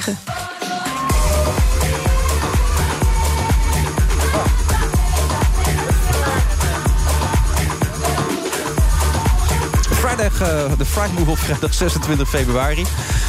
Bert Huisjes. Even de laatste berichten weer, Bert. Even... Ja, het ging even over een, eh, een kandidaat voor de lijsttrekkersserie. het ging over Thierry Baudet. Oh, daar ben je blij mee? Nou, eh, daar, daar kwamen weer wat de laatste ontwikkelingen langs. wat hij had gezegd in Deventer. En dat hij eh, zich niet aan de coronamaatregels had gehouden op Urk. Wat ik best wel een eh, grote belemmering vind. Want ik vind het vervelend als mensen die een hand willen geven... terwijl je zelf denkt van nou, weet je we hebben het- we hebben het anders afgesproken met elkaar. Ja. Hoe kijk je naar Baudet dan? Wat vind je daarvan? Eh, nou, ik, dat is best. Aanvankelijk, toen hij eh, zeg maar de winnaar was van de vorige verkiezingen. Toen vond ik dat programma vond ik niet eens zo heel gek. Dat was gewoon, het was gewoon een conservatief programma. En niet dat ik zo conservatief ben als hij, maar eh, het was niet onredelijk of zo. En dat is natuurlijk ontaard in een soort eh, gekkenhuis. Dat, dat kunnen we wel zeggen. Ja, en hij hij is nu een one-issue-partij geworden, geloof ik, voor virusontkenners of eh, virusbestrijders of eh Ja, maar vrijheids. nu ook dat die zetelverdeling, zoals die nu geschetst wordt, die zou niet kloppen, hè, die, die, die peilingen. Nee, nee, en dus alles is fake news. Dus hij pakt wel best wel veel dingen over eh, die we ook in de VS hebben gezien. Ja, opmerkelijk. Jo-Janneke van den Bergen, hartelijk welkom. Ja, leuk om hier te zijn. Hoe, hoe was hij als hoofdredacteur, ik Bert? zeg fijn dat ik er nu even bij mag zitten als het over me gaat. hè. ik zat net op zo'n tafeltje op 20 meter Ja, afstand. sorry, ja, dat was eh, niet netjes. Nee, hoor, dat heeft helemaal niks. Nou, ik- ja, want ik, Bert, eh, Bert en ik hebben inderdaad maar korte tijd samengewerkt, maar dat was hartstikke prettig. En wat Bert al zei, het was, het was een drukke tijd. We werkten Enorm. hard en lang en eh het maakte ons niet altijd even vrolijk, maar het was ook eh, enerverend. En het was origineel. En het op dat moment. Zeker. Zou je nu voor de club van de Bert kunnen werken als je dit verhaal zo hoort? Voor de club van Bert is weer een andere club dan, eh dan Ja, weet Pauw ik. natuurlijk. Dat weet ik, maar hij heeft net even zijn club een beetje omschreven. Ja, nou, ik ben eigenlijk eh, juist eh, weggegaan bij een club... omdat ik weer eh, lekker voor mezelf bezig wil, wil zijn. Ik heb vier Ja. jaar bij een Vandaag, Afrotros gezeten met heel veel plezier. En eh, vorig jaar eh, weer begonnen met de eigen programma's te maken. En dat is toch wat ik het leukst vind om te doen op dit moment. Maar eh, nou, Bert en ik hebben wel eens contact met elkaar gehad eh, door Zeker. de jaren heen. Dus wie, wie weet. Je sluit het niet uit, Je hoor sluit- ik ik hier. sluit het niet nee, uit. Je zou bij die club passen, zeg maar. Dat, dat komt wel goed dan. Ik denk dat je een tikkie progressiever bent. hè? Dat denk ik wel. Dat denk ik nee, dat, dat, dat weten we van elkaar. Maar eh, kijk, zo'n serie die je maakt, eh, zou ook bij ons hebben gepast, moet ik eerlijk zeggen. Ja, ja. Eh, en dat gaat het over, eh, over, de- over de prostitutie. Jo Alle Janneke uitwas uit de prost- prostitutie. Waar- waarom opnieuw? Want je hebt hem eerder gemaakt, vijf jaar geleden. Ja, dit heette in, uh, Jojanneke in de prostitutie. En eh, ik hield eigenlijk met een aantal vrouwen uit die serie contact. Dat vind ik belangrijk, om, om met die mensen ook een band eh, aan te gaan en te houden. En ik zag dat, dat, dat zij eh, allemaal op een gegeven moment wilden stoppen. En dat dat heel erg moeilijk was. Ook de vrouwen die daar uit eigen beweging ooit waren ingestapt. Ja. Ook eh, de vrouwen die als koningin op de wallen bekend stonden en in allerlei programma's hun verhaal deden. En die opeens tegen me zeiden: Jezus, ik wil nu eruit. Maar dat gaat zomaar niet. En ik heb, ik heb geen huis. Ik heb last van trauma's. Ik heb last van verslavingen. Ehm, ik zit in een bubbel. Ik heb geen sociaal netwerk buiten deze wereld. Wat, wat, wat moet ik nu? En dat, eh, nou, da- daarvan dacht ik, dat vind ik toch wel eens interessant om dat beter te bekijken. En tegelijkertijd hoorde ik veel geluiden over eh, toename van steeds vaker, steeds jongere kinderen in de prostitutie in Nederland. Want Mm. denk natuurlijk vaak aan Thailand, Cambodja. Maar dat gebeurt ook in Nederland. En dan hebben we het over twee tot drie kinderen per middelbare school in Nederland omgerekend. Dus dat vind ik fors. Dus dat triggerde bij mij wel weer het gevoel van, nou, ik wil hier weer, eh weer Maar ik, ik begreep uit de vorige keer van die vijf jaar geleden... dat met name jouw vrouwelijke crewleden daar gewoon hulp voor hebben gezocht, toch? Na afloop. We Omdat hebben het zo- allemaal gesprekken met een, met een psycholoog eh, gevoerd, inderdaad. Omdat op een gegeven moment je wereldbeeld wordt- niet, wordt een, werd daar niet vrolijker van. En, eh, en je manbeeld ook niet. En, je, en we hadden eigenlijk allemaal we hadden geen zin meer in seks. Onze mannen waren heel erg blij met, eh, met de serie. Nee, Ja. maar even serieus. Het, het, het vrolijke en het leuke van seks eh, verdwijnt dan toch een beetje. Als je alsmaar die verhalen hoort. Maar als ik je dit nu al schetsen, dat, dan is dat waarschijnlijk nu weer het geval. Als je Ja, nee, dat, dat klopt. En dat, dat gaat met name omdat, nou, omdat het ook over die minderjarige prostitutie gaat. En dat zijn meiden van, eh, en jongens ook van eh, 12, 13, 14 die, die daar in balans zijn. En er zijn dus mannen die daarvoor betalen. En ook niet maar een paar mannen, maar dat zijn er een heleboel. En dat is, is niet vrolijk eh, om, om aan te denken. Ik schrik daarvan, Bert, van dat soort verhalen. Ja, ik vind dat een, heel serieus veiligheidsthema. Ik bedoel, dit is ehm, kinderen. Dit vind ik kindermisbruik. Ik, ehm, eh, ik heb vanochtend een uitgebreide artikel ook gelezen in het Algemeen Dagblad over jouw Mm, serie. En ehm, dat zijn natuurlijk kinderen die dat eigenlijk een beetje ontgroeid zijn. Hè, en nu hopen Ja. dat, ze, dat ze ervan wegbreken. Maar ik vroeg me wel af, als ik dat zo bekijk. eh, heeft het ook te maken met dat er misbruik wordt gemaakt van hun verstandelijke vermogens? Er is ook een eh, groei van verstandelijk beperkte kinderen in deze sector. Ehm, als, je daar, als je daarop Ja. doelt. Dus dat, ja, verstandelijk beperkte en verstandelijk gehandicapte kinderen, helaas. Eh, maar deze twee meiden zijn gewoon weldenkende, eh, slimme dames. Eh, alleen in een bepaalde situatie gekomen. dit, dit waren toevallig twee meisjes die in jeugdzorginstelling hebben gezeten. Waar het niet altijd even veilig is en waar je niet altijd met de meeste prettige personen in contact komt. Eh, ja, en die worden dan op, op, op jonge leeftijd in die prostitutie geronseld. Maar je ziet het gewoon tegenwoordig. Het gaat niet alleen maar om probleemkinderen. Het, het- social media is een grote accelerator hiervan. Omdat kinderen natuurlijk steeds jonger hè, zitten op TikTok, Instagram, eh, de games ook. Alles met een chatfunctie is een gevaar eigenlijk helaas voor, eh, voor kinderen. Ze worden benaderd door mensen die zich voordoen als een leuk vriendje of een leuke, leuke buddy. En er wordt gevraagd om een blootfoto, Ja. om een filmpje. En als ze dat in handen hebben, dan bam, dan is het al eh, te laat vaak. Dan kunnen ze chanteren. En dat gebeurt dus ook op grote schaal. Ik kijk met dit programma ook mee met een eh, aantal onderzoekers op dark web. En wat je daar voorbij ziet komen, dat is eh, sowieso natuurlijk het af, Ja, afvoerputje van de wereld. En dan word je ook echt, je, je- dan wordt je wereld. Daar, dan kan ik echt niet slapen hoor, een paar nachten. Maar er zijn dus mensen van de politie die dit moeten onderzoeken. Er zijn mensen van de politie. er zijn ook mensen die met één been in de politie sta, bij de politie werken en, en, en een eigen organisatie hebben opgericht. Omdat er natuurlijk weinig mankracht is om dit allemaal in de gaten te houden. Ja. En dat is ook wel iets wat ik aan wil met die serie. Dat het, dat het iets is waar we niet te naïef over moeten zijn. Hè. Internet is gewoon een groot deel van ons leven. De kinderen zitten heel veel op internet. En op dark web zijn gigantisch veel mensen actief... die handboeken en tips uitwisselen met elkaar. Van hoe kun je nou zo'n fotootje krijgen? Hoe kun je ze daarmee chanteren? Dat is ongelooflijk. En dat gaat over fora waar 2 miljoen mensen lid van zijn. Dat zijn niet maar een 2 paar- miljoen mensen? Ja, dat is- en dat is gewoon één forum op dark web. En zo zijn er velen. Dus we moeten eh, ons niet, eh, ehm, ja, we moeten niet denken dat het maar een hele klein groepje griezels zijn. Dat is helaas niet het geval. Maar j- jij schetst helemaal aan het begin van dit gesprek dat je met, met vrouwen praat die proberen eruit te komen. Dat blijkt helemaal niet zo makkelijk te zijn. Ik begrijp ook dat je daar niet echt een oplossing voor kan vinden. Eigenlijk hoop je met die serie dat er misschien oplossingen gaan ontstaan daardoor. Nou ja, het gaat ook om bewust, bewustwording. Ehm, wat die vrouwen zelf ook zeggen: van ik, ik heb me nooit gerealiseerd dat, dat ik hier tegenaan zou lopen. Nee. En ehm, het gaat ook een beetje over de vraag van... we zeggen in Nederland, eh, prostitutie is een legaal beroep... en daarmee eh, vinden we ook dat het een normaal beroep is. Nou ja, elke sekswerker zal je kunnen vertellen dat dat niet zo is... want ze kunnen geen rekening openen, ze kunnen geen hypotheek krijgen... ze kunnen geen verzekering afsluiten. En als jij bij, de, bij het uitzendbureau komt met je cv met 20 jaar tippelzone... dan word je niet teruggebeld. Ehm, dus dat is een beetje een knelpunt... En dat maakt het een kwetsbaar beroep. Want dat maakt dat, dat, dat je dus ook denkt als sekswerker... ik hoor niet in die buitenwereld, ik, ik, ik, ik hoor niet bij de maatschappij. Wat, wat zou dan de oplossing moeten zijn in deze? Wat is dan de conclusie die je getrokken hebt? Nou ja, dat we, dat we, dat we niet zo naïef mo- moeten zijn over het feit dat, dat dit, dit een beroep is wat we hebben gelegaliseerd in Nederland. Maar daar houdt het niet op. Er gaat 3 miljoen per jaar van het kabinet naar uitstapprogramma's. Dat is een, een, een symbolisch bedrag in mijn ogen, omdat er eh, wordt niet gecheckt wat er eigenlijk met dat geld gebeurt en wat de resultaten zijn. Eh het ChristenUnie en CDA hebben dat bedongen in dit kabinet. Nou, straks hebben we een nieuw kabinet en dan moeten we maar weer kijken. Eh, maar we moeten reëel zijn over het feit dat als we dit eh, beroep in Nederland zo goed mogelijk willen handhaven, willen, in stand willen houden en willen, willen aanhouden zoals we dat nu doen, moeten we ook eh, rekening houden met het feit dat, eh, dat het niet een beroep is als ieder ander beroep. En Nee. dat er meer voor nodig is om dat op een goede manier in banen te Heb leiden. je samengewerkt met een uitstapprogramma? Ja, maar we, we, we- Want eh, die mensen komen natuurlijk niet gewoon aanbellen van... ik wil graag op tv mijn verhaal doen. Nee, klopt. Nee, dat gaat heel veel via via. Ehm, ik, ik, heb wel, ik heb veel contacten in die wereld. Dus dat, dat- dat, dat gaat via via. Is dat op zich goed gelukt om met mensen in contact te komen... die ook heel dapper herkenbaar hun verhaal willen vertellen. Maar ehm, ja, we, we hebben met verschillende uitstapprogramma's contact. Via Friesland is een, is een heel mooi voorbeeld. Doen heel goed werk. Ehm, maar die zeggen ook weer... er is natuurlijk heel erg bezuinigd op de zorg met de decentralisatie. Hè, Mhm. in, vijf jaar geleden. Waardoor we zien dat er heel veel kennis is weggevloeid. Als je het hebt over uitstaptrajecten, hulp, hulp, eh, hulpplannen en organisaties eh, hebben minder kennis om die mensen te helpen. De problematiek neemt toe. Zeker bij jongere mensen, dan hebben we het over automutilatie, zelfmoordpogingen. Omdat er gewoon vaak geen goede hulp geboden wordt. Is de strafbaarheid eh, goed genoeg? eh, qua als jij eh, als, als consument een, een, een jong iemand misbruikt... Nee, dat is helaas niet het geval. Tot grote frustratie van het Openbaar Ministerie. Want die hebben sinds de Valkenburgse zedenzaak, die jullie waarschijnlijk Ja, nog wel ja, kennen. natuurlijk. Hè, dat was eigenlijk sindsdien is er, is er naar klanten gekeken. Daarvoor gebeurde dat eigenlijk helemaal niet. Ging het altijd om de pooiers. En sindsdien gebeurt dat meer en doet OM daar ook zijn best voor. Maar als die mannen dan al voor de rechter komen, dan komen ze toch vaak weg met een taakstraf.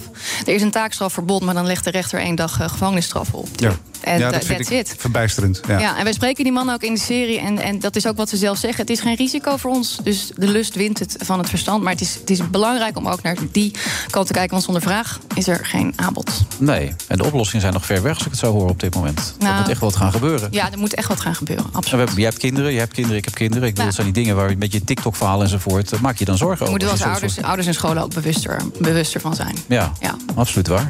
Jo Janneke uit de prostitutie. Vanaf dinsdag eh, 2 maart wekelijks te zien bij eh, NPO 3, een kwart over negen. Het is absoluut de moeite waard als ik dit eh, hoor, Jo Janneke. Succes daarmee. Dankjewel. Oké, tot later. De Friday Move wordt mede mogelijk gemaakt door Droomparken en TUI. Discover your smile. BNR Nieuwsradio. The Friday Move. Het wordt geleidelijk aan warmer in Nederland. En iedereen staat boven op elkaar te feesten als ze op Lowland staan. Nee, wij doen, wij doen daar niet aan mee. Nee. Het kabinet zoekt naar de uitgang. Wilfred Gené. Patrick Lodier schiet jongeren met een beperking te hulp in. We gaan het maken!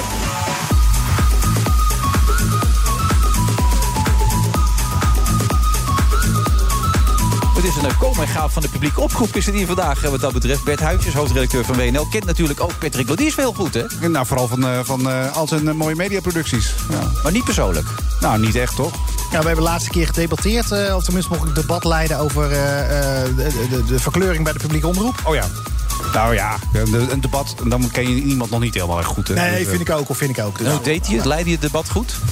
Eh, ja, volgens mij eh, hadden we wel een verschillende opvatting. Want de- binnen de publieke omroep eh, hoor je altijd diversiteit. en het ging over een divi-bokaal, geloof ik. Was dat destijds? Het, was een, het was een bijeenkomst van, zoals we dat dan noemen, omroepbobo's. En, eh, ja, hoe- Die dan belegd was om... Het, om- Wel goed, hè, want ik vind wel dat je daarover Ik moet, ook. Maar nadenken en moet discussiëren. Maar Dus ik heb het altijd liever over representativiteit. Weet je wel? Dat gewoon een redactie, programma's moet een beetje een afspiegeling zijn van de Nederlandse samenleving. Zo is het. En het, het wordt heel vervelend als mensen op kleur worden aangenomen. Want dan voelen ze zich niet helemaal meer eh, dezelfde als eh, hun collega die ook eh, gewoon ambitie heeft. Weet je wel? Dat is niet, dat is niet oké. Dat is niet oké, zegt hij. Herken je dat? Nee, nee, ja, kijk, dat, dat, dat debat was, was goed, omdat ja, dat was in de tijd van Black Lives Matter, dat is nog niet eens zo lang Ja, geleden. zeker. Dat is Dus paar iedereen zat in een Dus hype. Dat moest, ja, daar zat in zomer was ja, dat, dus, dus, Dus, eh, dus, dus ook de publieke omroep voelde zich aangesproken. En dan ben ik blij Maar dat terecht er, wel, eh, ook ja, wel, maar- En dan ben ik blij dat er in ieder geval gediscussieerd wordt en hopelijk dat daar iets eh, uitkomt, ja. Ja. Nee, ik, ik, Sander Schimmelpenner riep toch dat er in, in Hilversum alleen maar van die oude witte mannen zitten... die een beetje naar hun eigen geloot, geleuter luisteren... en eh, helemaal niet bezig zijn met wat er leeft. Maar Sander Schimmelpenninck heeft heel vaak gelijk. Dus eh, er zitten wel heel veel mannen van een zekere leeftijd, zoals mijn leeftijd. En mijn leeftijd, zeker. En dat heeft een beetje te maken wanneer ben je begonnen in je, in je eh, professionele carrière, weet je wel? En wanneer kom je eh, uiteindelijk op een niveau dat je op bobo-niveau gaat meepraten? Ja, dat doe je Nou toch al tien jaar? Dat doe ik al, ja, dat doe ik al tien jaar. Maar ik, bedoel, ik ben ook een witte man. Weet je wel? Ja. Dus, eh, eh, en eh, die, eh, die eh, ambitieuze Marokkaanse of eh, Iraanse of eh, Afghaanse... die was tien jaar geleden stond die natuurlijk niet op hetzelfde punt... om eh, dat systeem in te gaan. Dus die, die moeten nu allemaal komen. Ik ben al tien jaar uit dat bobo-gelul, zeg maar. Ja, dat is, Nou, dat is bevrijding zeker. Nee, ik vind het wel leuk hoor. Nee, maar het was natuurlijk fantastisch om een voorzitter te zijn van, van, van BNN. En het is ook weer fantastisch om dan weer echt gewoon maker en presentator te worden. Dus. Zoals van het programma We gaan het maken. Kijk eens aan. Ja, nou, dat is een bruggetje. hè? Dat ja, is- ja. man, we zitten Die- te lang in dit die vak. voorzet, die kon We zouden ermee moeten stoppen eigenlijk. Hè? Er zouden een nieuwe generatie toegelaten moeten worden... die dat veel leuker, rationeel en beter zou kunnen allemaal. Maar we gaan het maken. We zijn benieuwd. We zijn er niet. Ja, zeker. Het is, het is, het is een, het is een eh, De programma. nieuwe generatie zit daar trouwens, hè, voor jou. Die twee zoontjes die zijn eh, lekker bezig achter de iPad. Hè? Dat is de echte nieuwe Ja, generatie. die hebben vakantie, dus eh, ja, die dachten, nou, we willen eens even zien wat papa allemaal eh, daar achter de microfoon uit Maar uiteindelijk was de, de iPad toch belangrijker. We, gaan, het maken. Eh, het is een programma over mensen met een beperking of een handicap. Eh, wat ik natuurlijk ook al gedaan heb met Je zal me hebben. Maar deze keer gaan echt slimme denkers, uitvinders, knappe koppen gaan samen zitten om echt voor specifiek één persoon met een beperking iets te maken, iets te bedenken, iets uit te vinden.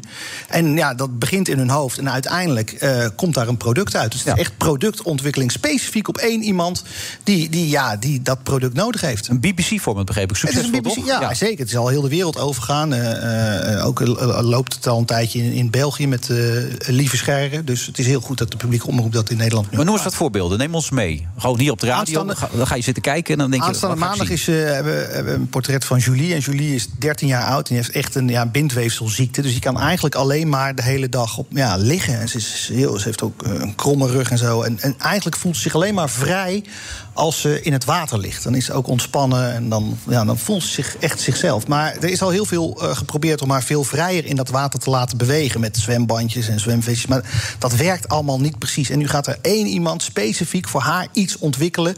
Zodat zij echt die vrije ervaring heeft. Dus dat is, eh, dat is wat er dan gema- gemaakt wordt. Maar dat Ja. klinkt heel simpel als ik dat vertel. Maar omdat er al zoveel geprobeerd is en ook zoveel is mislukt. Ja, is het echt voor die uitvinder een, een proces van: oh, wat moet ik nou maken? En het mooie is ook, die, die uitvinder en, en Julie krijgt natuurlijk ook wel een band. Dus die uitvinder kan ook, kan het, ja, die, die maakt het ook persoonlijk. Zo van ja, ik kan haar natuurlijk niet eh, la- laten zinken of laten vallen. Dus er moet iets moois uitkomen. Dus eh, dat zie je. Ja, klinkt als een heel uitdagend programma op die manier. Ja. Het is een super uitdagend programma. En het is, het, het is, het is heel mooi, vind ik, omdat er zit veel in van eh, je zal het maar hebben. Dus jonge mensen, of gewoon, gewoon niet eens jonge mensen, maar gewoon mensen die een beperking hebben, maar vooral willen laten zien van ja, maar ik wil nog zoveel. En ik wil die, die, die vrijheid en die onafhankelijkheid, die wil ik terug. Dus dat, dat zie je die mensen waarvan je denkt bij jezelf, jeetje, als je met zo'n beperking leeft, hoe doe je dat dan? Dus daar leer je al veel van. Maar dan komt er ook nog zo'n zo'n zo'n zo'n denker bij, zo'n zo'n creatief brein. En dan zie je dat proces van ja, hoe, hoe bedenken ze het? Dat Soms denk ik heel bij mezelf, hoe werkt dat daar in dat brein? Ja. Maar die kunnen het dan ook nog bouwen. Ja, ik kan helemaal niks bouwen. Ik ben heel erg onhandig. En dan zie je dat toch eh, ge- gebeuren en ontstaan. Ja, maar je wilt wel graag bij zijn met dit soort programma's. Nee, zeker. Dus en dat hele traject hebben we. En eh, ja, dat, we zijn dus al bijna ja, we zijn een jaar bezig geweest. En nu eindelijk komt het eh, op antenne. En waarom wil je dat zo graag, Patrick, bij dit soort programma's betrokken zijn? Nou ja, kijk, om, om- omdat je kan laten zien. eh, dat wij. Ja, wij zijn gelukkig. Wij zijn heel erg uh, ja, uh, Bevoorrecht. En, ja, en, en, soms vergeet je dat het voor, voor sommige dingen een, een kleine verandering al een heel groot, ja, iets, iets, iets groots is. Bijvoorbeeld een vrouw die zit in een rolstoel. En die kan van alles, maar die kan niet, uh, wanneer zij wil, naar buiten. Omdat ze haar jas niet aankrijgt. Als je in een rolstoel zit en je moet je jas aandoen of uitdoen, dat lukt haar gewoon niet. Dus ze zit gewoon soms te wachten totdat iemand, uh, of een buren of de hulp of, of haar man, uh, komt om de jas aan te doen. Voor haar is iemand uh, gaan nadenken over hoe kunnen we haar nou toch in een jas krijgen. Dat ze het zelf aan kan doen en zelf uit kan doen. Nou, als dat lukt, dan kan zij dus wanneer zij wil, naar binnen, naar binnen, naar buiten, overal naartoe. Dus dat geeft een enorme vrijheid. Ja. Voor ons is het heel simpel. Ik trek heel vaak mijn jas aan en ook weer uit. Ja, en dan weer aan soms ook, Ja. toch? Als het weer wat kouder wordt. Ja. ja. nee, dat snap ik heel goed. Eh, je- De programmadirecteur naast mij. Dit zijn de soort programma's die jullie niet zo snel zullen maken, toch? Ehm, nou ja, misschien vanuit, eh, vanuit het eh, eh, eh, ideeënperspectief wel. Of eh, van het ondernemingsperspectief. Productontwikkeling. Productontwikkeling, innovatie. Ja. Ehm, ik vind het ook wel mooi om iemand zijn, eh, zijn vrijheid en zijn mogelijkheden te, te, te, te, te laten ontdekken. En eh, je wil eigenlijk ook gewoon dat mensen eh, niet afhankelijk natuurlijk zijn van een uitkering. Maar dat is van, ja, weet je, maar misschien kan ik wel mijn eigen tent runnen, weet je wel. Eh, en dat kan natuurlijk. Want Dus je moet veel- een beetje uit de ondernemersgedachte, zie jij het ja, dat vind ik wel een hele leuke gedachte. En ik bedoel, er zijn natuurlijk, ja, bedoel, er zitten genoeg mensen die zwaar eh, ehm, eh, benadeeld zijn lichamelijk, maar die gewoon een briljant brein hebben. En eh, waarom zouden die niet dingen kunnen die eh, met onze eh, interneteconomie eh, wat, wat eh, betekenen? Ja, dus ik, ja, ik zou zeggen van na de, na de aanpassing op hun hulpmiddelen. Eh, wat voor baan ligt er voor jou in het verschiet? En wat, eh, wat zou je willen gaan doen? En wat eh, Nou, zou je hè, we zitten eigenlijk in een soort onderhandeling al zitten voor voor de toekomst, ja. Nou ja, maar het is natuurlijk wel mooi dat je, dat je mensen die inderdaad beperkt zijn... toch inderdaad verder kan helpen. Je wilt toch in mogelijkheden denken? Maar dat Ja. is, dat is, precies, om- dat is om- precies waar dit programma over gaat. En ja, waar WNL ook vaak over gaat. Dus Nou, het mooi. gaat om ontplooiing. Mensen moeten zich kunnen ontplooien. Ja, ik snap Gebeurt niet hier dat wat je of mij niet? Nee, ik heb, snap niet dat je mij hebt uitgenodigd. Hij kan het zo goed uitleggen, dus Ja. dat is mooi. Nee, absoluut. Ja. Nee, het is ook, het is, maar ik ben heel blij. Het is een heel mooi programma geworden. Dus eh, ja, het is, het, is, het is ook fascinerend. Dat, Maar eh, wat brengt dat jou persoonlijk dan? Hoe, hoe ga je mee naar huis dan? Of, of neem je dat niet mee, zeg maar? Nou, het is... Kijk, als ik weer een geweldige inhoudelijke show heb gemaakt op maandag en vrijdag... dan zit ik daar dagen vol van natuurlijk. Dat begrijp je wel. Dat, dat, dat raakt mij enorm en dat brengt me heel veel. Maar ik En dat siert jou ook? Ja, nee, ik ben Ja. heel benieuwd hoe het bij jou is natuurlijk. Nou ja, ik vind, ik, kijk, bij mij gaat het om die, om die mensen die die vrijheid terugwinnen. En, en dat is te gek. En, en ik ben ook heel, ja, eigenlijk, de, de, de, de, de trots moet gaan naar die uitvinder. Die Ja. heeft het toch maar gefixt om ja, dingen uit te vinden van ik denk mezelf, het is niet mogelijk. En waarom is het niet mogelijk? Omdat het niet bestaat. Anders hadden ze het al wel uitgevonden. En zij gaan het toch doen. Zij weten het toch klaar te, spinnen, eh, te spelen om iets nieuws te maken. Nou ja, en je hebt wel eh, natuurlijk ook eerder eh, laten zien dat je mensen eh, eh, weer mensen kan laten zien terwijl ze ook heel ziek zijn of een rare zeldzame ziekte hebben, weet je wel. Dus je, je kan de mens er wel uittillen. En dat vind ik wel een, een, echt een prestatie. Dat, Nou, dat, kan, dat- dat, dat kunnen maar weinigen. Nee, maar dat doen wij bij BNN Varen ook wel echt zo. Van, je, je, moet die mensen ook niet als slachtoffer weg, wegzetten. Je mag ze scherp ondervragen. Vaak hebben die mensen dat ook heel graag. Want hoe scherper de vraag, hoe beter hun antwoord kan zijn. En dat maakt hun ook meer mens. En hopelijk inspireert dat ook eh, andere mensen om gewoon... ja, als je iemand ziet met een handicap... om daar gewoon eens een keer een goed gesprek mee te hebben. Ze zijn niet gek. Ze zijn zeker niet gek. Nee, we gaan het maken. is ook een mooie titel. We gaan Mooi het titel, maken. We gaan het maken. Het heet in, in, in, in de, bij de BBC heette het The Big Life Fix. Is ook een mooie Ja, titel. prachtige Big titel. Life Fix, ja. Ja. Maar goed, komt graag een Nederlandse titel. Het eh, komt maandag op NPO 1 om half tien. Mooie, eh, mooie plek. Mooie plek, hè? Prachtige tijd. Heerlijk tijd. donderdag. Mooie, een mooie lead Op in NPO voor, 1. voor op 1. Ja. Dus, ja. Nou, hartstikke goed. En wat ga je nu met die twee mannetjes doen? Nog iets leuks in, eh, in gedachten? de Nou, wij komen net eh, uit uh, Vrouwenpolder, uit Zeeland aangereden. Want het was eigenlijk vakantie. Maar ik heb natuurlijk een beetje een BNR-verleden ook. Omdat ik hier op de vrijdagochtend een tijdje heb mogen Ja. presenteren. Dus als, ja, als BNR belt, dan, dan, dan Ja, gaan dan we iets eerder weg uit, uit Vrouwenpolder. Hoe mooi het daar ook is. Dus Ja. het zodoende. Oké, nou hartstikke goed dat je er was, hè, Patrick. En Ja, veel dat is succes. graag gedaan. Ja, maandag, we gaan het maken. Ja, kunnen ze eerst om half negen het andere programma inschakelen. Op een gegeven moment, eh, nou ja, laten we gaan. Half tien, NPO 1. Ja, en we gaan het hartstikke goed. maken. Dankjewel.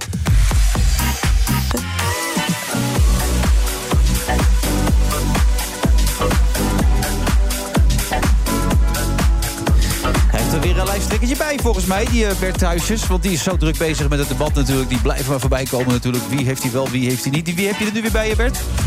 Eh, Nee, dit gaat over de debatten in de, in de Melkweg eh, van op 1. Oh, over, over een weekje. Oh ja, dat is weer dat. Nou, dat ziet er ook weer goed uit. Ja, dat gaat ook lekker? Ja, dus ik hoef eigenlijk alleen maar goed nieuws eh, te incasseren. Ja, dus je bent goed bezig, man. Goed nieuws, heerlijk. Ik zal het nu verzenden, maar als we het hebben gehoord, wist het al.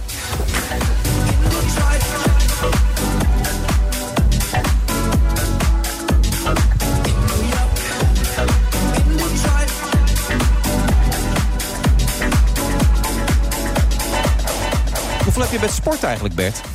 Wat zeg je? Heb je veel met sport eigenlijk ook, of heb je er niet zoveel mee? Ehm, eh, ja, ik vind zelf sporten wel heel prettig. Eh, en ik ben vooral gek op wielrennen. Oh, kijk aan. En ik heb een hele mooie wielrenfiets een aantal jaren. En dat bevalt me heel erg goed. Oké, wie vind je de beste wielrenverslaggever dan? Ja, dat is Gio Lippers natuurlijk. Oh, Ik zit zo vaak bij hem op de zender en eh, in het programma. Ja, op zaterdag, Inderdaad, ja. op zaterdag. Want de meeste klassiekers tegenwoordig zijn op zaterdag. En eh, ja, dan moeten wij inbreken, zoals dat zo mooi heet, in de Ja, ik vind het programmering. Het is, het is verrijken van de programmering. Ja, en eerlijk gezegd vind ik het ook heel erg leuk altijd. Want het, ja, je zit in een hele andere dynamiek dan in een sportuitzending. En dat maakt het ook weer leuk. Maar help me even mee, wat is er dan nou anders aan dan die dynamiek? Wat gebeurt er dan? Eh, je hoort andere dingen. Kijk, als ik in langs de lijn zit, ja, dan hoor ik de voetbalwedstrijden Ja, links en rechts. En eh, de andere sport. Nou, dat niet echt. Maar, ja. Nee, maar, maar ik bedoel, als ik dan op zaterdagmiddag eh, bij WNL zit... Ja, dan hoor je gewoon de debatten, discussies. eh, Ja, dat gaat ergens dingen. over. Dat bedoel je? Nee, het gaat ergens anders over. Oké. Je luistert echt mee? Ik luister altijd mee. Ja. Mooi. En nou moet ik wel eerlijk zeggen, dat is wel een van die dingen. Als ik er niet veel van. ergens, als ik eh, aan de finish zit, ik noem maar wat in de Tour de France of eh, bij een klassieker en er zijn voetbalwedstrijden tegelijkertijd, moet niemand aan me vragen hoeveel het staat bij Ajax, Vitesse of weet ik veel wat. Ik luister wel, maar ik sla het niet op. Oh? Dat is heel gek, want je bent zo gek, ja. bezig met. Nee, maar je bent zo bezig met wat je op dat moment live moet verslaan. Ja. Dat, eh, Je kan niet twee dingen tegelijk nee, blijkbaar. Nee, dat, die twee spoortjes naast elkaar, dat lukt me niet. Hmm. Maar luisteren doe ik wel. Oké, surplus. Ja, leuk. Een boek dat je hebt geschreven met José de Kouwer. Ja. Waarom? Eh, bijzondere combinatie, hè? Ja, Nederland en Vlaanderen. stellen, En eh, de twee culturen, wielerculturen, die zijn totaal verschillend. In Vlaanderen is wielrennen is religie. Eh, iedereen weet wat van wielrennen. En in Nederland, laten we eerlijk zijn, als Tom Dumoulin de Giro wint... dan staan we massaal te juichen, dan kijken we massaal televisie. Maar normaal gesproken ja, is het geen cultuur hier in Nederland. Hè, bijvoorbeeld schaatsen is hier gewoon veel belangrijker, om maar eens wat te noemen. En voetbal natuurlijk. Ehm, en dat vond ik wel mooi om dat met een Vlaming te doen... die ook nog eens een keer gepokt en gemazeld is. Want laten we eerlijk zijn, ik ben inmiddels 62... en ik loop best een hele tijd mee. Maar hij heeft gekoerst.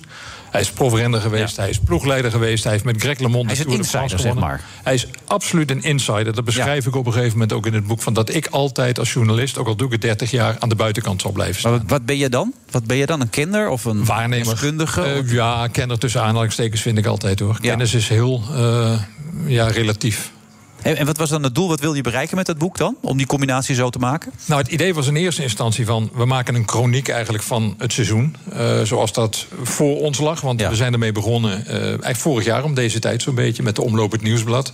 Hè, toen wisten we nog niet wat er ging gebeuren. Koersen leken om te vallen. Dan zouden we dus helemaal niet meer gekoerst kunnen worden in een jaar. Dus uiteindelijk hebben we eh, gezegd... we stappen er gewoon in en we zien gewoon wat dit jaar brengt. En gaandeweg liepen we tegen steeds meer thema's aan. En met name de veiligheid. Hè. Het ongeluk van Fabio Jacobsen in Polen.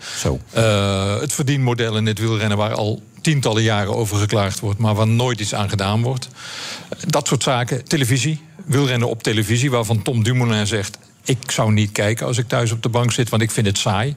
Ehm, maar wat zegt het over Tom Dumoulin dan? Eh, heel veel. Dat zegt over Tom Dumoulin dat hij heel anders tegen wielrennen aankijkt dan de gemiddelde wielrenner. En Bijvoorbeeld, ik kan makkelijk een hele middag op de bank zitten naar een toeretappe kijken. De meeste liefhebbers toch Groeiend gras maakt helemaal niet uit. Ik vind het mooi.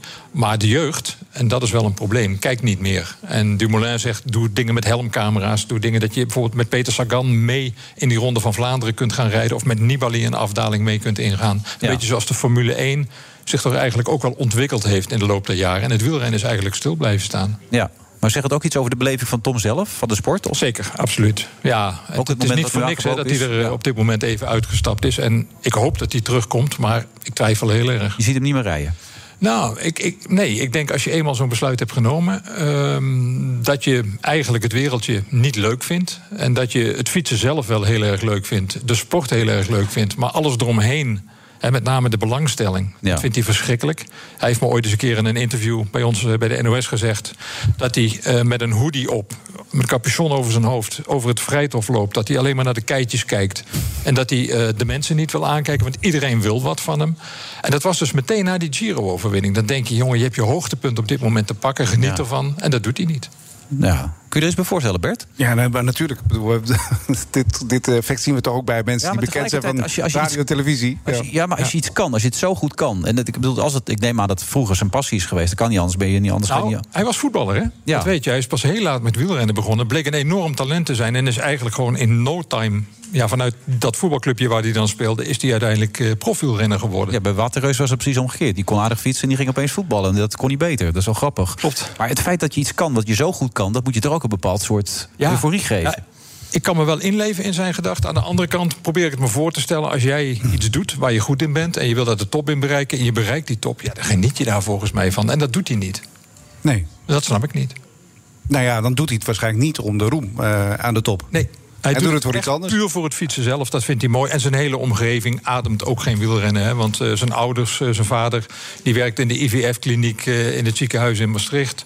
Zijn moeder, die, die werkt geloof ik bij een gemeente. Dus die hebben helemaal niks met fietsen. Maar je bent toch als verslaggever dan niet teleurgesteld in jouw sportheld, of wel? Ik vind het jammer dat hij niet meer rijdt. Want ik genoot er altijd van om naar hem te kijken. Dus in dat opzicht ben ik teleurgesteld. Maar ik ben niet teleurgesteld in zijn ja, morele besluit om eruit te stappen. Nee. Ik, het is een behoorlijk dik boek geworden trouwens. Voor een jaar waarvan eerst mensen dachten... nou, dat is een tussenjaar met corona, weet je wel. Dacht ik ook. Ja. En het is veel dikker geworden dan ik verwacht had. Eh, 416 pagina's. Eh, ei- eigenlijk loopt een beetje het dagboek van José de Kouwer loopt een beetje als een rode draad er doorheen. En dat vind ik ook mooi, omdat ja, dat geeft een beetje aan hoe er in Vlaanderen tegenaan gekeken wordt. Hij is ook heel persoonlijk. Hij vertelt over zijn vader die afgelopen zomer 100 jaar werd. Dag na de tour. Ja. Zou een enorm feest worden gegeven daar bij hem in het dorp. Kon allemaal niet doorgaan vanwege corona. De eenzaamheid ook met corona. De Kouwer is ook 71 en die zegt... nou, als dit het vooruitzicht is op wat ik later met mijn pensioen eh, moet gaan doen... nou, dan weet ik niet of ik het nog zo leuk vind om te stoppen met werken straks. Nee. Kortom, dat thuiszitten, dat bevalt hem ook niet. Heeft de corona ook iets gebracht aan de wielerwereld in die periode? een soort Mm, ja. inzicht, een soort, een soort rust misschien ook wel. Een Nou, in ieder geval dat de wielerwereld, of eh, professionele wielrennen als organisatie, zeg maar, dus als, als instituut, veel sterker op eh, fundamenten rust dan dat ik ooit had gedacht. Want iedereen dacht aan het begin van die coronatijd, toen alles omviel, dan gaan ploegen omvallen. Eh, het wielrennen heeft, heeft zware tijden. Nou, er is maar één ploeg die niet is doorgegaan, CCC, hè, de ploeg van Greg van Avermaat. Eh, die licentie is ook nog eens een keer overgenomen door een andere ploeg. Dus uiteindelijk heb je net zoveel wildtourploegen.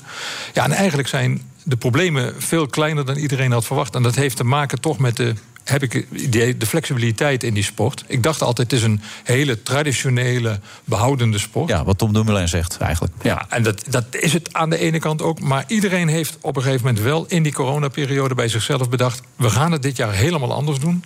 We gaan 100 dagen koers gaan we inrichten. Beginnen op 1 augustus, eindigen op 8 november. Dat, is ongekend. We doen alles in omgekeerde volgorde. De Tour eerst, dan de klassiekers. Klassiekers in omgekeerde volgorde. Eh, Parijs-Roubaix als allerlaatste. Die valt er dan weer uit. Ja. Maar uiteindelijk heeft iedereen overleefd. En dat vind ik wel fenomenaal van het wielrennen. En dat had ik dus nooit verwacht van die Ja. wereld. Want hoe lang zit je er nu in eh, inmiddels? Ja, een jaar of dertig, zo'n beetje. Oh, dus dat is je best wel net, tijdje. je komt net ja, te kijken precies. eigenlijk, Ik, ik ja. kan nog wel twintig jaar door. Ja. Ja, maar je bent best wel somber over dat jongere mensen niet meer naar eh, wielrennen kijken. Dat, daar ben ik somber over. Daar is José de Kouwer ook vrij somber over. Er En- en zoveel jonge mensen wielrennen. Ja, maar weet je wat wel het punt is? Ik heb een kijkcijfer-expert uit België erbij gehaald, Daan van Reet. En die zegt, ehm, er wordt sowieso minder naar televisie gekeken. Dan is er ook nog eens een keer dat het televisiepubliek veroudert. En het wielerpubliek veroudert nog eens een keer eh, ernstiger. En op TikTok zit geen eh wielerfanaat. Nou, dat zou je eigenlijk moeten gaan doen. TikTok en weet ik veel wat allemaal voor nieuwe dingen. Wat hadden we tegenwoordig? Clubhouse. eh, Clubhouse, Daar, hebben we, daar hebben we deze week mee geëxperimenteerd.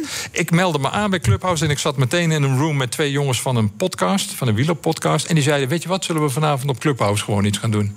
Nou, en dat, dat sloeg ineens enorm aan. En hoeveel mensen kwamen in de room dan? Goh, hoeveel waren dat er? Ik denk een man of 60, 70. En nou, dat vond ik eigenlijk voor zo'n eerste keer. Ik bedoel, het heeft niks te maken met radiocijfers en tv-cijfers. zou ik net zeggen, je denkt er bij jezelf. Maar aan de andere kant, ik hoor dat heel veel mensen. Hartstikke Barbara, Barbara Barend zit er ook. Die zat vandaag met 100 mensen over de sportzomer. Nou, die was helemaal enthousiast. Zat te juichen enzovoort in het clubhouse van. Dus ja, nee, het werkt wel. Het werkt absoluut. En ik vind dat wel een hele leuke nieuwe uitdaging. Ik bedoel, ondanks mijn leeftijd, toch gewoon proberen om dat soort dingen te doen. Ja. Ik hoorde een hele leuke anekdote van onze einddirectrice. Dat je ooit met een motor bent gevallen en dat je...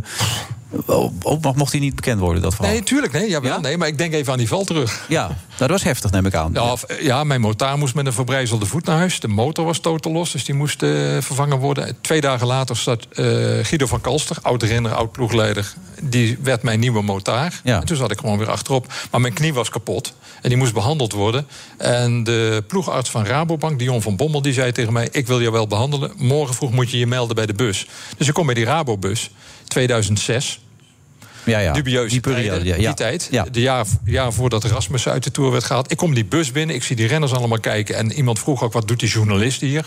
Dat staat allemaal aan de doping op dat moment. Nou ja, eh, eh, laten we zeggen, de, de verhalen achteraf gingen dat ze allemaal aan de doping zaten. Maar het mooiste was, ik ging naast een koelkastje zitten om me te laten behandelen. En later hoorde ik van Mikael Rasmussen in de rechtszaak eh, die tegen Rabobank werd aangespannen over dopinggebruik. Dat dus in die koelkast de EPO bewaard werd. Dus Ja. als ik die koelkast had opengetrokken om een flesje water te pakken, Ja. dan denk ik dat ik heel dicht bij de waarheid Je zat er bovenop. Maar eh, had je niet als journalist het gevoel... ik doe even die koelkast open? Ik bedoel, met een speurneus. Hè? Ik ben een beetje kritisch journalist. Denk ik, ga eens even goed omheen kijken wat hier Nee, allemaal gebeurt. ik wil Lig je op alleen een maar naald of aangeven- zo? Ik wil Ja? alleen maar aangeven dat je er echt letterlijk naast kunt zitten... en soms misschien zelfs wel erbovenop... zonder dat je door hebt wat er gebeurt. Ja. Ja, er werd natuurlijk ach- achteraf heel veel gezegd over journalisten die de waarheid hebben ja, verzwegen en dat soort dingen. Maar je kunt dus ook. Je, komt gewoon niet in het wereldje. Ze laten je niet toe. Maar het wekte niet je argwaan dat ze heel erg schrokken toen je binnenkwam. Nee, maar het ik wist wel een beetje hoe de houding was ten opzichte van journalisten. En die bus is heilig, want dat was sowieso hun rustpunt. Snap je? Daar bereiden ze zich voor op die wedstrijd. Komen ze vijf minuten van tevoren eruit. Ja, precies. Ja. Hoe is het met je knie nu? Eh, best wel goed. Voetballen lukt niet meer hoor. Dat gaat niet meer. Nee. Maar dat kon vroeger ook niet. Maar, maar, en fietsen dan? Eh, fietsen kan nog wel. Ja, dat lukt. Ja, dat is een hele andere beweging en dat, eh, dat gaat goed. Maar, eh, komt José nu ook tot de conclusie dat vroeger alles beter was? En jij misschien ook wel? Of valt het mee? Nee, José is niet. D- Dat is wel, wel mooi. De man is 71 jaar, gaat dus 100 jaar mee zo'n beetje. Maar absoluut heeft nooit het idee vroeger was alles beter. Hij vond bijvoorbeeld die gekke shirts, die Donald Duck shirts... van Hmm. Education First en de Giro. Vond hij fantastisch. Nieuwe dingen, nieuwe ontwikkelingen. Ja, nu met die camera's op het hoofd straks. Vindt dus hij het ook heel wordt leuk. Meegaan in een afdaling en dat soort zaken allemaal. Dat moet Ik gaan zie het helemaal zitten, hoor. Ik, nou, dat lijkt me best mooi, Bert. Ik bedoel, ja, als liefhebber ook. En de, en de verborgen motortjes, eh, is dat ook helemaal geen issue meer? Nee, minder. Fabian Cancellara, dat was de laatste waarom het echt ging. En er is er maar eentje ooit betrapt. Femke van der Driessen, dat was die jonge veldrijdster eh, bij het WK in België. Daarna eigenlijk ja, nooit meer iets uitgekomen. Er wordt nog is- steeds gecontroleerd. Hè, op, Ja, ja. eh, fietsen. Dus het gebeurt niet meer. Dat weet je niet. Daar steek ik mijn hand niet voor in het vuur, net als voor het dopinggebruik. Nou, als alle later staan, dan weet je dat het niet goed is, hè? Ja, precies. Surplus van Gio Lippens en José de Kouwer. Absoluut de moeite waard. Dank je. Succes. BNR Nieuwsradio. The Friday Move. We gaan nu de lente in en dan vanavond de persconferentie. Well, we've been fighting this pandemic for so long. Hopelijk hebben we nog wat mazzel. Als regel geldt, niets is zeker. Wilfred Gené. Het EK voetbal, de Olympische Spelen, de Tour de France, de Grand Prix op Zandvoort. Het wordt een fantastische zomer. Het wordt een droomzomer. Ja. En eigenlijk moeten we DJ Thomas Robson ook meenemen, denk ik, voor die droomzomer. Klinkt nu al goed, man.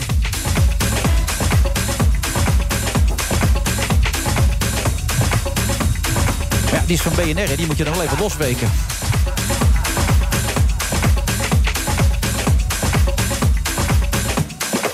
Tafel inmiddels eh, Barbara Barend van Helden, TOEI-directeur Arjan Kers. En hij zit er nog steeds natuurlijk, Bert Huisjes, de hoofdredacteur van WNL.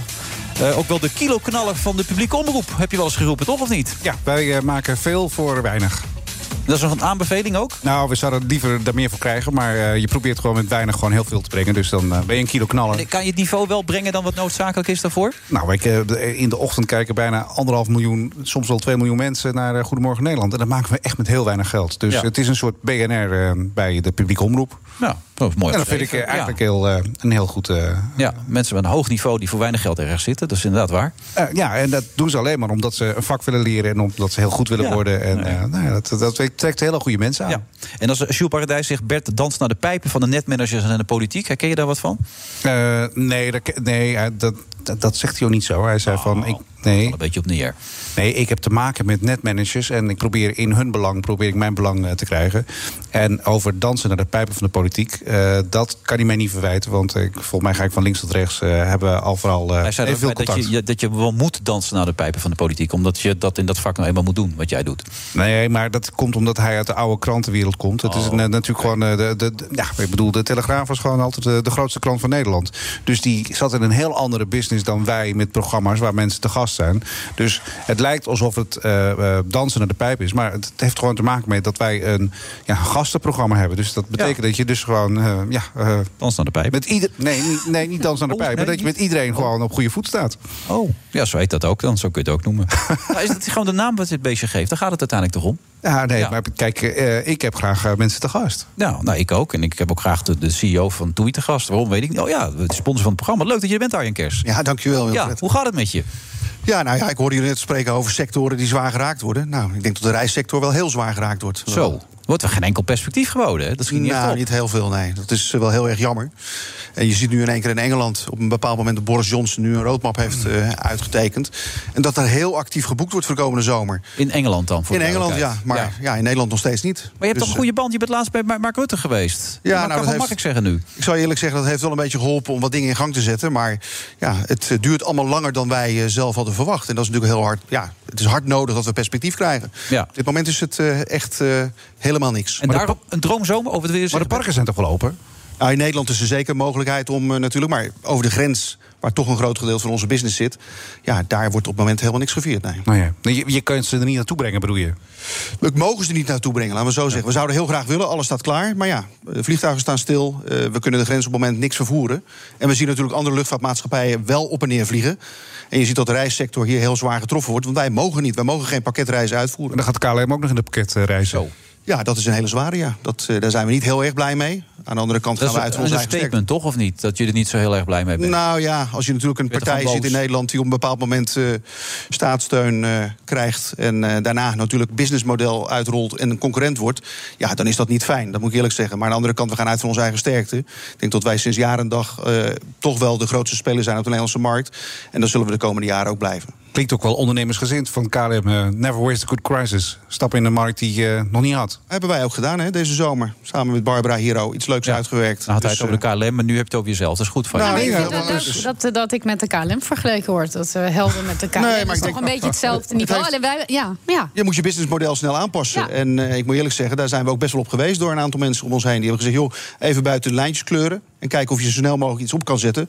Wat wel functioneert. Dus eh, dat hebben we gedaan. De droomzomer, Barbara. Vertel, wat houdt het in? Eh, deze zomer, de, eh, wat eh, voor mij met recht een droomzomer is... met al die mooie sportevenementen die wel plaats gaan vinden... hebben we een eh, vakantieconcept bedacht... dat je in eigen land volledig coronaproof eh, van de sport kan genieten... van de geweldige sport die er deze zomer is. Mhm. Dat je ook zelf kan sporten. Dat je kinderen kunnen sporten. Ehm, dat je geïnspireerd kan raken door sporters die op het park in het wild rondlopen. Er komen sporters, we gaan het op Droomparken de Zanding doen. Oh, Droomparken, wat leuk. Ja, Ja. ontzettend leuk park. Prachtig op de Veluwe. Er is iedere week is er een. eh, Ernstig dit, maar ga door. Ja, ja. Iedere week is er een eh, sporter of een oud-sporter is parkdirecteur met zijn of haar gezin. En die zijn daar ook in het wild. Die geven clinics, die geven ook s'avonds kampvuur, inspiratieverhalen. Dus het is eigenlijk een combina- combinatie van samen weer genieten van die mooie sport, zelf sporten en geïnspireerd raken. En ik moet erbij zeggen, als het zeg maar nog is zoals het nu is, wat we natuurlijk niet hopen deze zomer, kunnen we ook omdat het een vakantiepark is. Dat je alles in je eigen huisje beleeft. Dan gaan we het hele terras gaan we oranje maken. We hebben een intern tv-kanaal. We gaan voor- en nabeschouwen ook op die mooie sportevenementen. Nou, dat zenden we dan in de huisjes uit. En dan gaan we 's ochtends de yoga doen eh, via de stream. Dus alles is vo- volledig coronaproof. En als het wel kan, dan hebben we een aantal terrassen gebouwd. Wat ook weer volledig coronaproof is. Waar je je eigen tafel met je ook familie dan hebt. coronaproof, heb ik het idee, of niet allemaal? Nou ja, ik moet dat erbij zeggen, Wil. Want Ja. dat is heel kinderachtig. We verzinnen dingen. We zijn een heel Ook wij bij Helden. We hadden vorig jaar een hele, heel slecht jaar. En, Miljoen en- omzet verdween, toch? ja, in één week. En toen zijn we heel creatief geworden. En ehm, het is op zich wel een heel leuk verhaal. Ik, ik ging niet naar de Olympische Spelen in Tokio, waar ik naartoe had zullen gaan met mijn gezin. Om en te werken met helden en eh, vakantie te vieren. Maar in plaats daarvan lag ik eh, op het Ermer strand of zand, ik weet niet precies, maar bij Emmen op een camping. op een yogamatje. Ook Want- voor het IDT gebeuren. ja, ja, ik was naar de camping tijdloos. En ik werd gehield en ik was aan het mediteren en Oost-Oekraïnse liedjes aan het zingen. Maar terwijl ik daar. Ja, ik ging er helemaal in op. Maar terwijl ik daar lag, dacht ik: ik wil sport. Ik wil niet op dat matje liggen, maar dan wil ik voetbal zien. En dan wil ik de Olympische Spelen zien. En dan wil ik 's ochtends wielrennen met Michael Bogert. En dan wil ik s'avonds geïnspireerd Ja. raken door Mark Tuitert. Je had gedronken, hoor ik wel. Ja, maar ga door, ja. Nee, op mijn yogamat niet. Nee, oh, oh oké, ja. En dat was heel grappig, want ik belde eigenlijk afgelopen zomer Arjan Kers... als er dan weer een bestemming sloot of er wat was weer wat. Dan belde ik hem even. Ik zei, Arjan, hoe gaat het? Ja, ja, ja nou, ik zal niet herhalen welke woorden we dan gebruikten. En zei hoe gaat het eigenlijk met jou? Ik zei, heel goed, want ik ga volgend jaar mijn eigen camping organiseren. Ik zei, Arjan, vertel iets meer. Het zei je gaat helemaal geen camping organiseren. Wacht heel even. ja? Kan wat, het wat ook- zei je precies toen, Arjen? Want dan kun je het misschien best zelf Ja. vertellen. Nee, ja. nou, is wel heel erg leuk. We hadden een contact opgedaan met Droomparken het jaar daarvoor al. Dus we hadden gezegd van, nou, ga dan eens een keer met Andries van Droomparken spreken. Nou, dat is gelukt. En eh, ja, dan ben je een soort verbinden tussen die twee partijen. En uiteindelijk is daar een hele mooie samenwerking uitgekomen.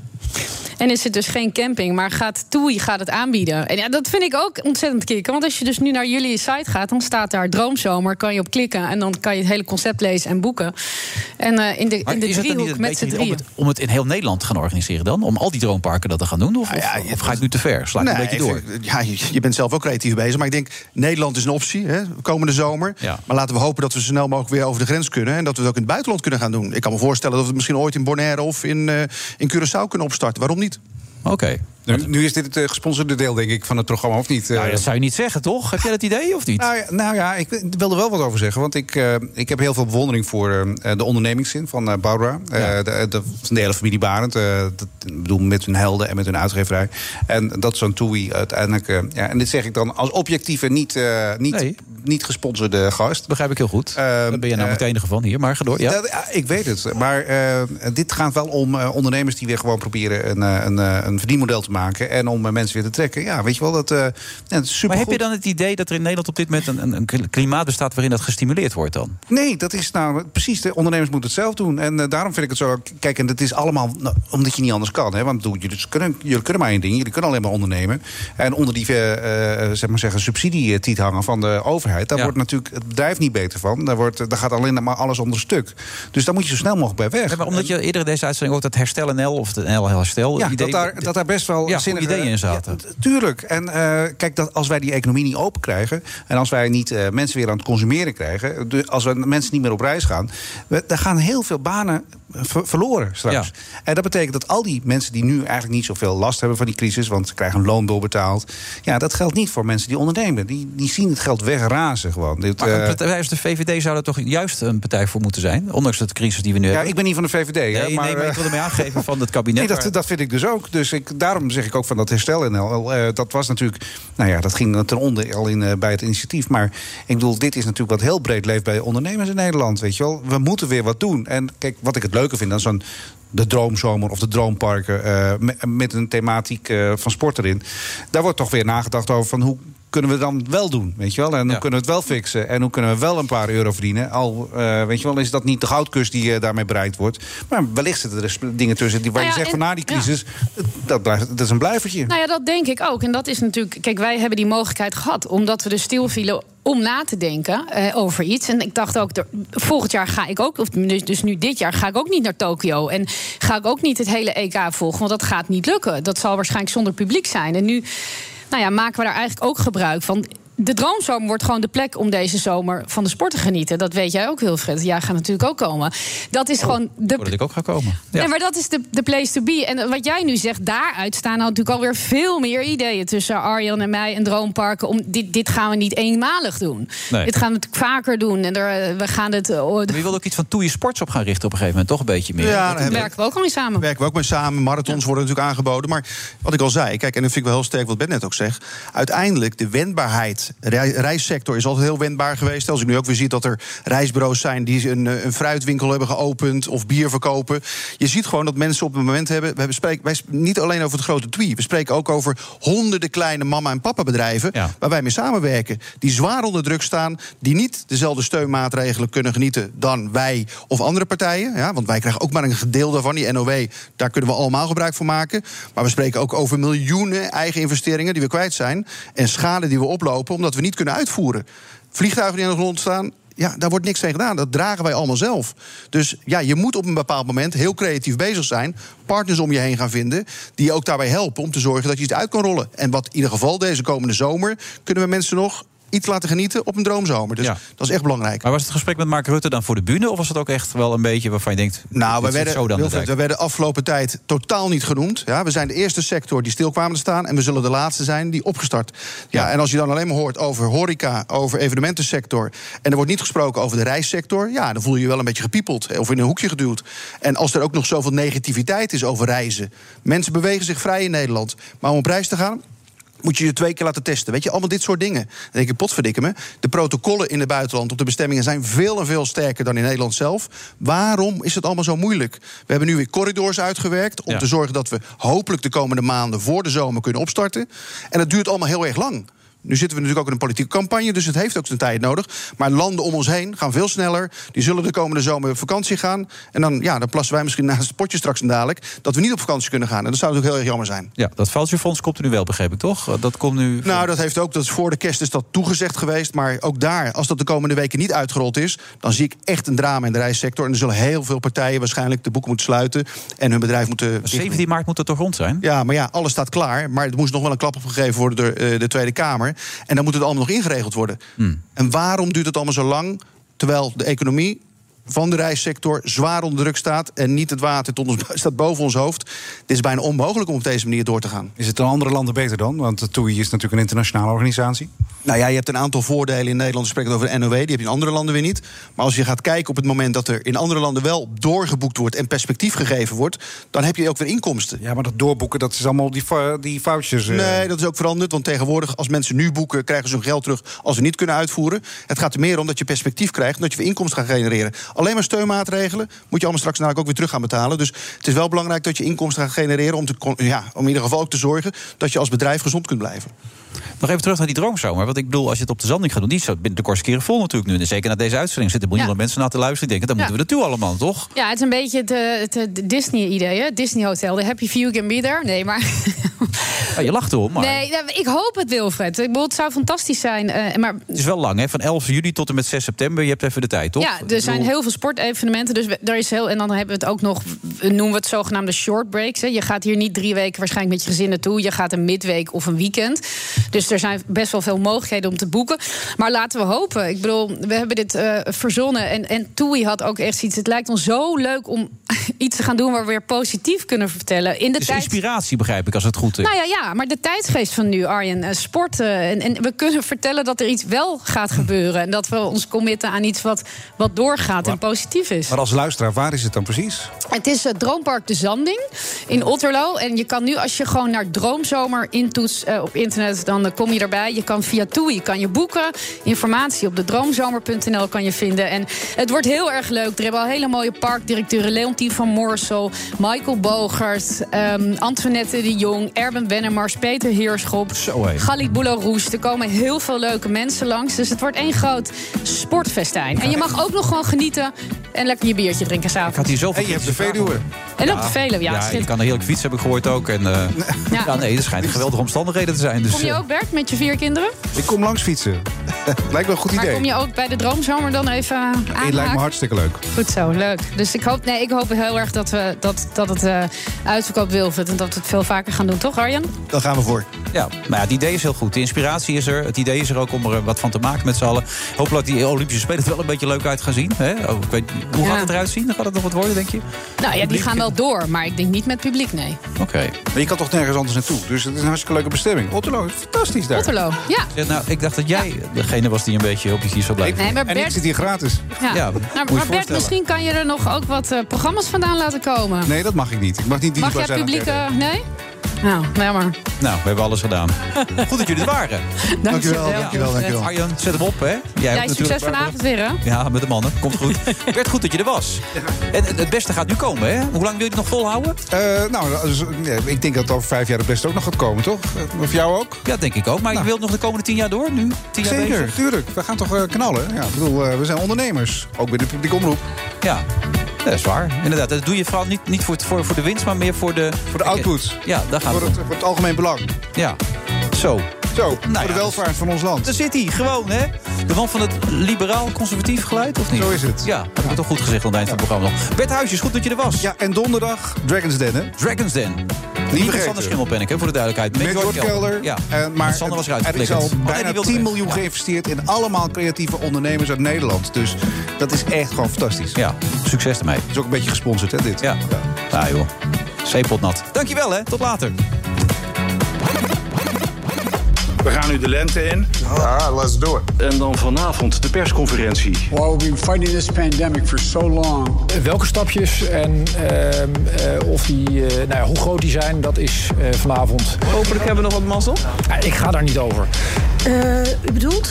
Eh, en tegelijkertijd zijn natuurlijk wel kanttekeningen te, pla- te plaatsen. We denken dat het openstellen van deze beroepen belangrijk is. Wat eigenlijk heel positief aan het hele verhaal is, is dat we van tevoren iedereen een PCR-test hebben laten ondergaan. Als regel geldt, Niets is zeker. de anderhalve meter afstand. Er is straks een, eh, een, een persco. Eh, we zullen kijken. Misschien is er wel een betere oplossing dan wat we nu aan het doen zijn. Maar dit is hem in elk geval niet. Nou ja, het enige zinnige wat je erover kan zeggen is dat hij eh, blauw, geel en rood is. Het is echt met een kanon op een mug schieten wat eh, zeg maar hiermee gebeurt. Het kabinet zoekt naar de uitgang. Eh, u bedoelt? En iedereen staat boven op elkaar te feesten alsof ze op Lowland staan. En eh, wij mogen die mensen niet eens veilig en verantwoord faciliteren op een terras. Het wordt geleidelijk aan warmer in Nederland. Dat heeft te maken met die, met die boetes. Hè. Het is een soort boemerang die steeds weer terugkomt. Eh, nee, wij doen, wij doen daar niet aan mee. Nee. Ja, want je kunt niet eigenlijk even cherrypicking, eh, even... eh, En dat maakt natuurlijk heel veel ondernemers, ook ons overigens, echt heel onzeker. Want je weet niet meer waar je toe bent. Ehm, dus de overheid zou hier wel een beetje karttrekker eh, in moeten zijn. En hopelijk gaat het bedrijfsleven dan, dan mee. Winkelen is gewoon veilig. Dat, dat blijft, blijven wij maar zeggen. En deze mensen hebben de sportschool echt nodig en de professionele begeleiding. Dus zeggen ze, als je die in stand houdt, dan kan je andere dingen loslaten. Het blijft ongelooflijk spannend. Soms denk je dat het niet meer erger kan en dan toch eh, lukt het ze. Nederland heeft in toenemende mate genoeg van de falende corona-aanpak van het kabinet. Het kabinet zoekt naar de uitgang. De Friday Move wordt mede mogelijk gemaakt door TUI en Droomparken. Droomparken, je perfecte vakantie of een eigen tweede huis. We zijn altijd maar onderweg. Altijd in voor een alternatieve route. En altijd zo snel en het liefst ook zo duurzaam mogelijk. BNR Mobility. Altijd op maandag om half twee. Met Meijnerd Schut. En natuurlijk altijd met Nout Broekhoff. Oh ja, en je kunt het ook altijd terugluisteren in je favoriete podcast-app. Abonneren maar. Altijd doen. BNR Mobility wordt mede mogelijk gemaakt door ALD Automotive en Leaseplan.